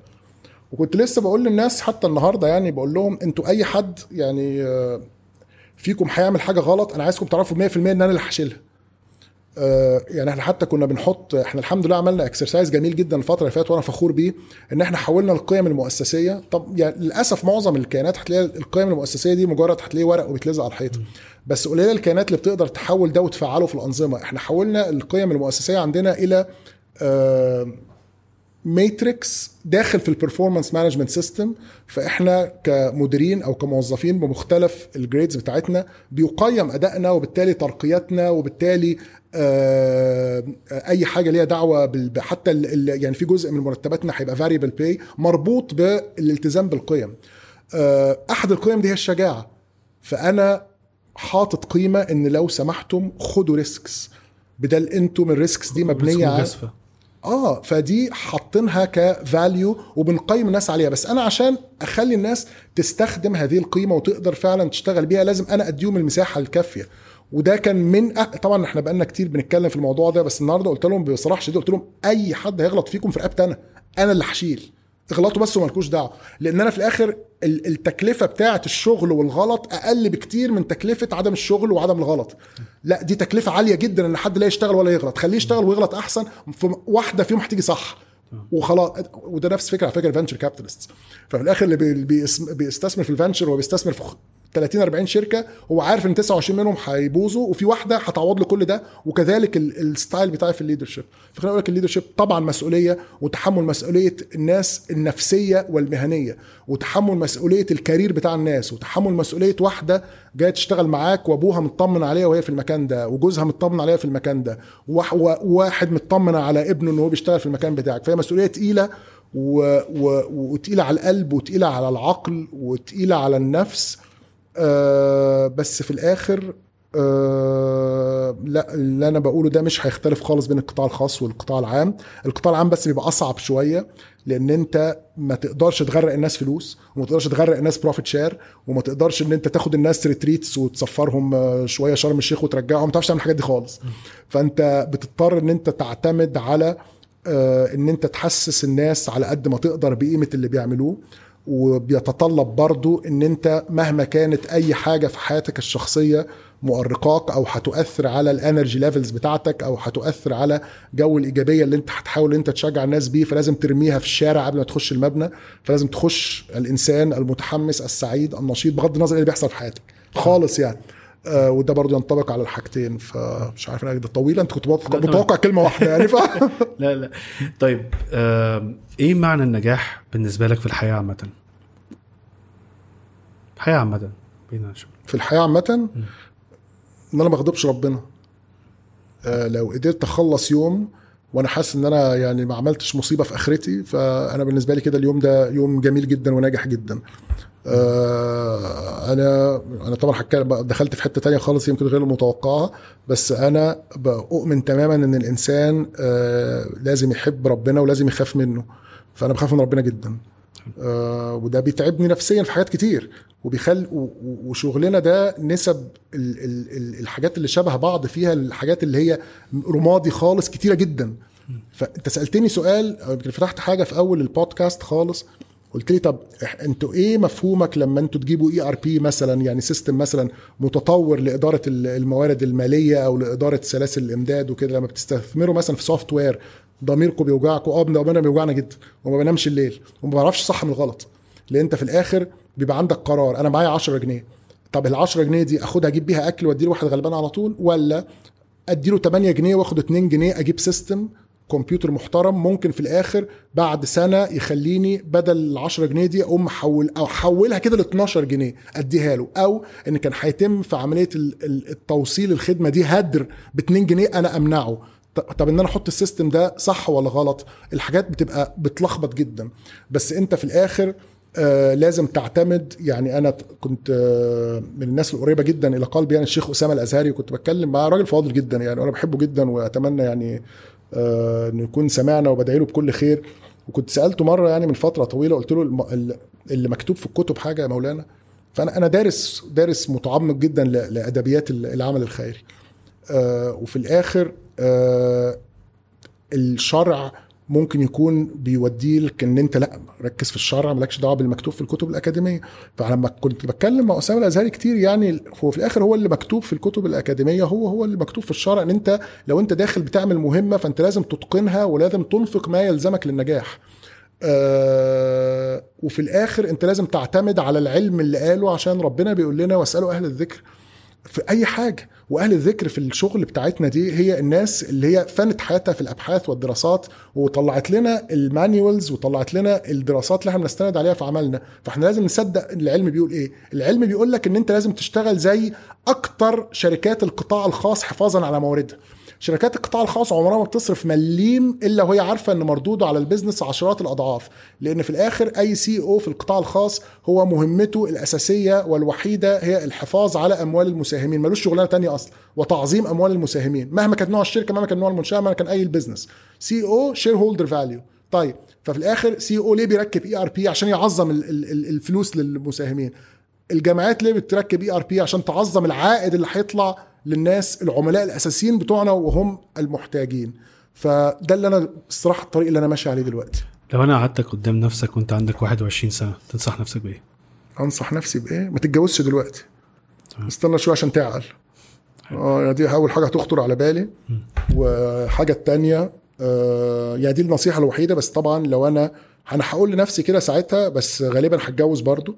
وإن شاء الله ربنا يكرمني وأجيب ولادي اللي أنا فرحان بيهم جدا دلوقتي. لأن أنا زي ما أنا قلت لك في الأول آه إن أنا الحمد لله ما فيش خطوة خطيتها في حياتي إلا وأدت للقعدة اللي أنا قاعدها دي.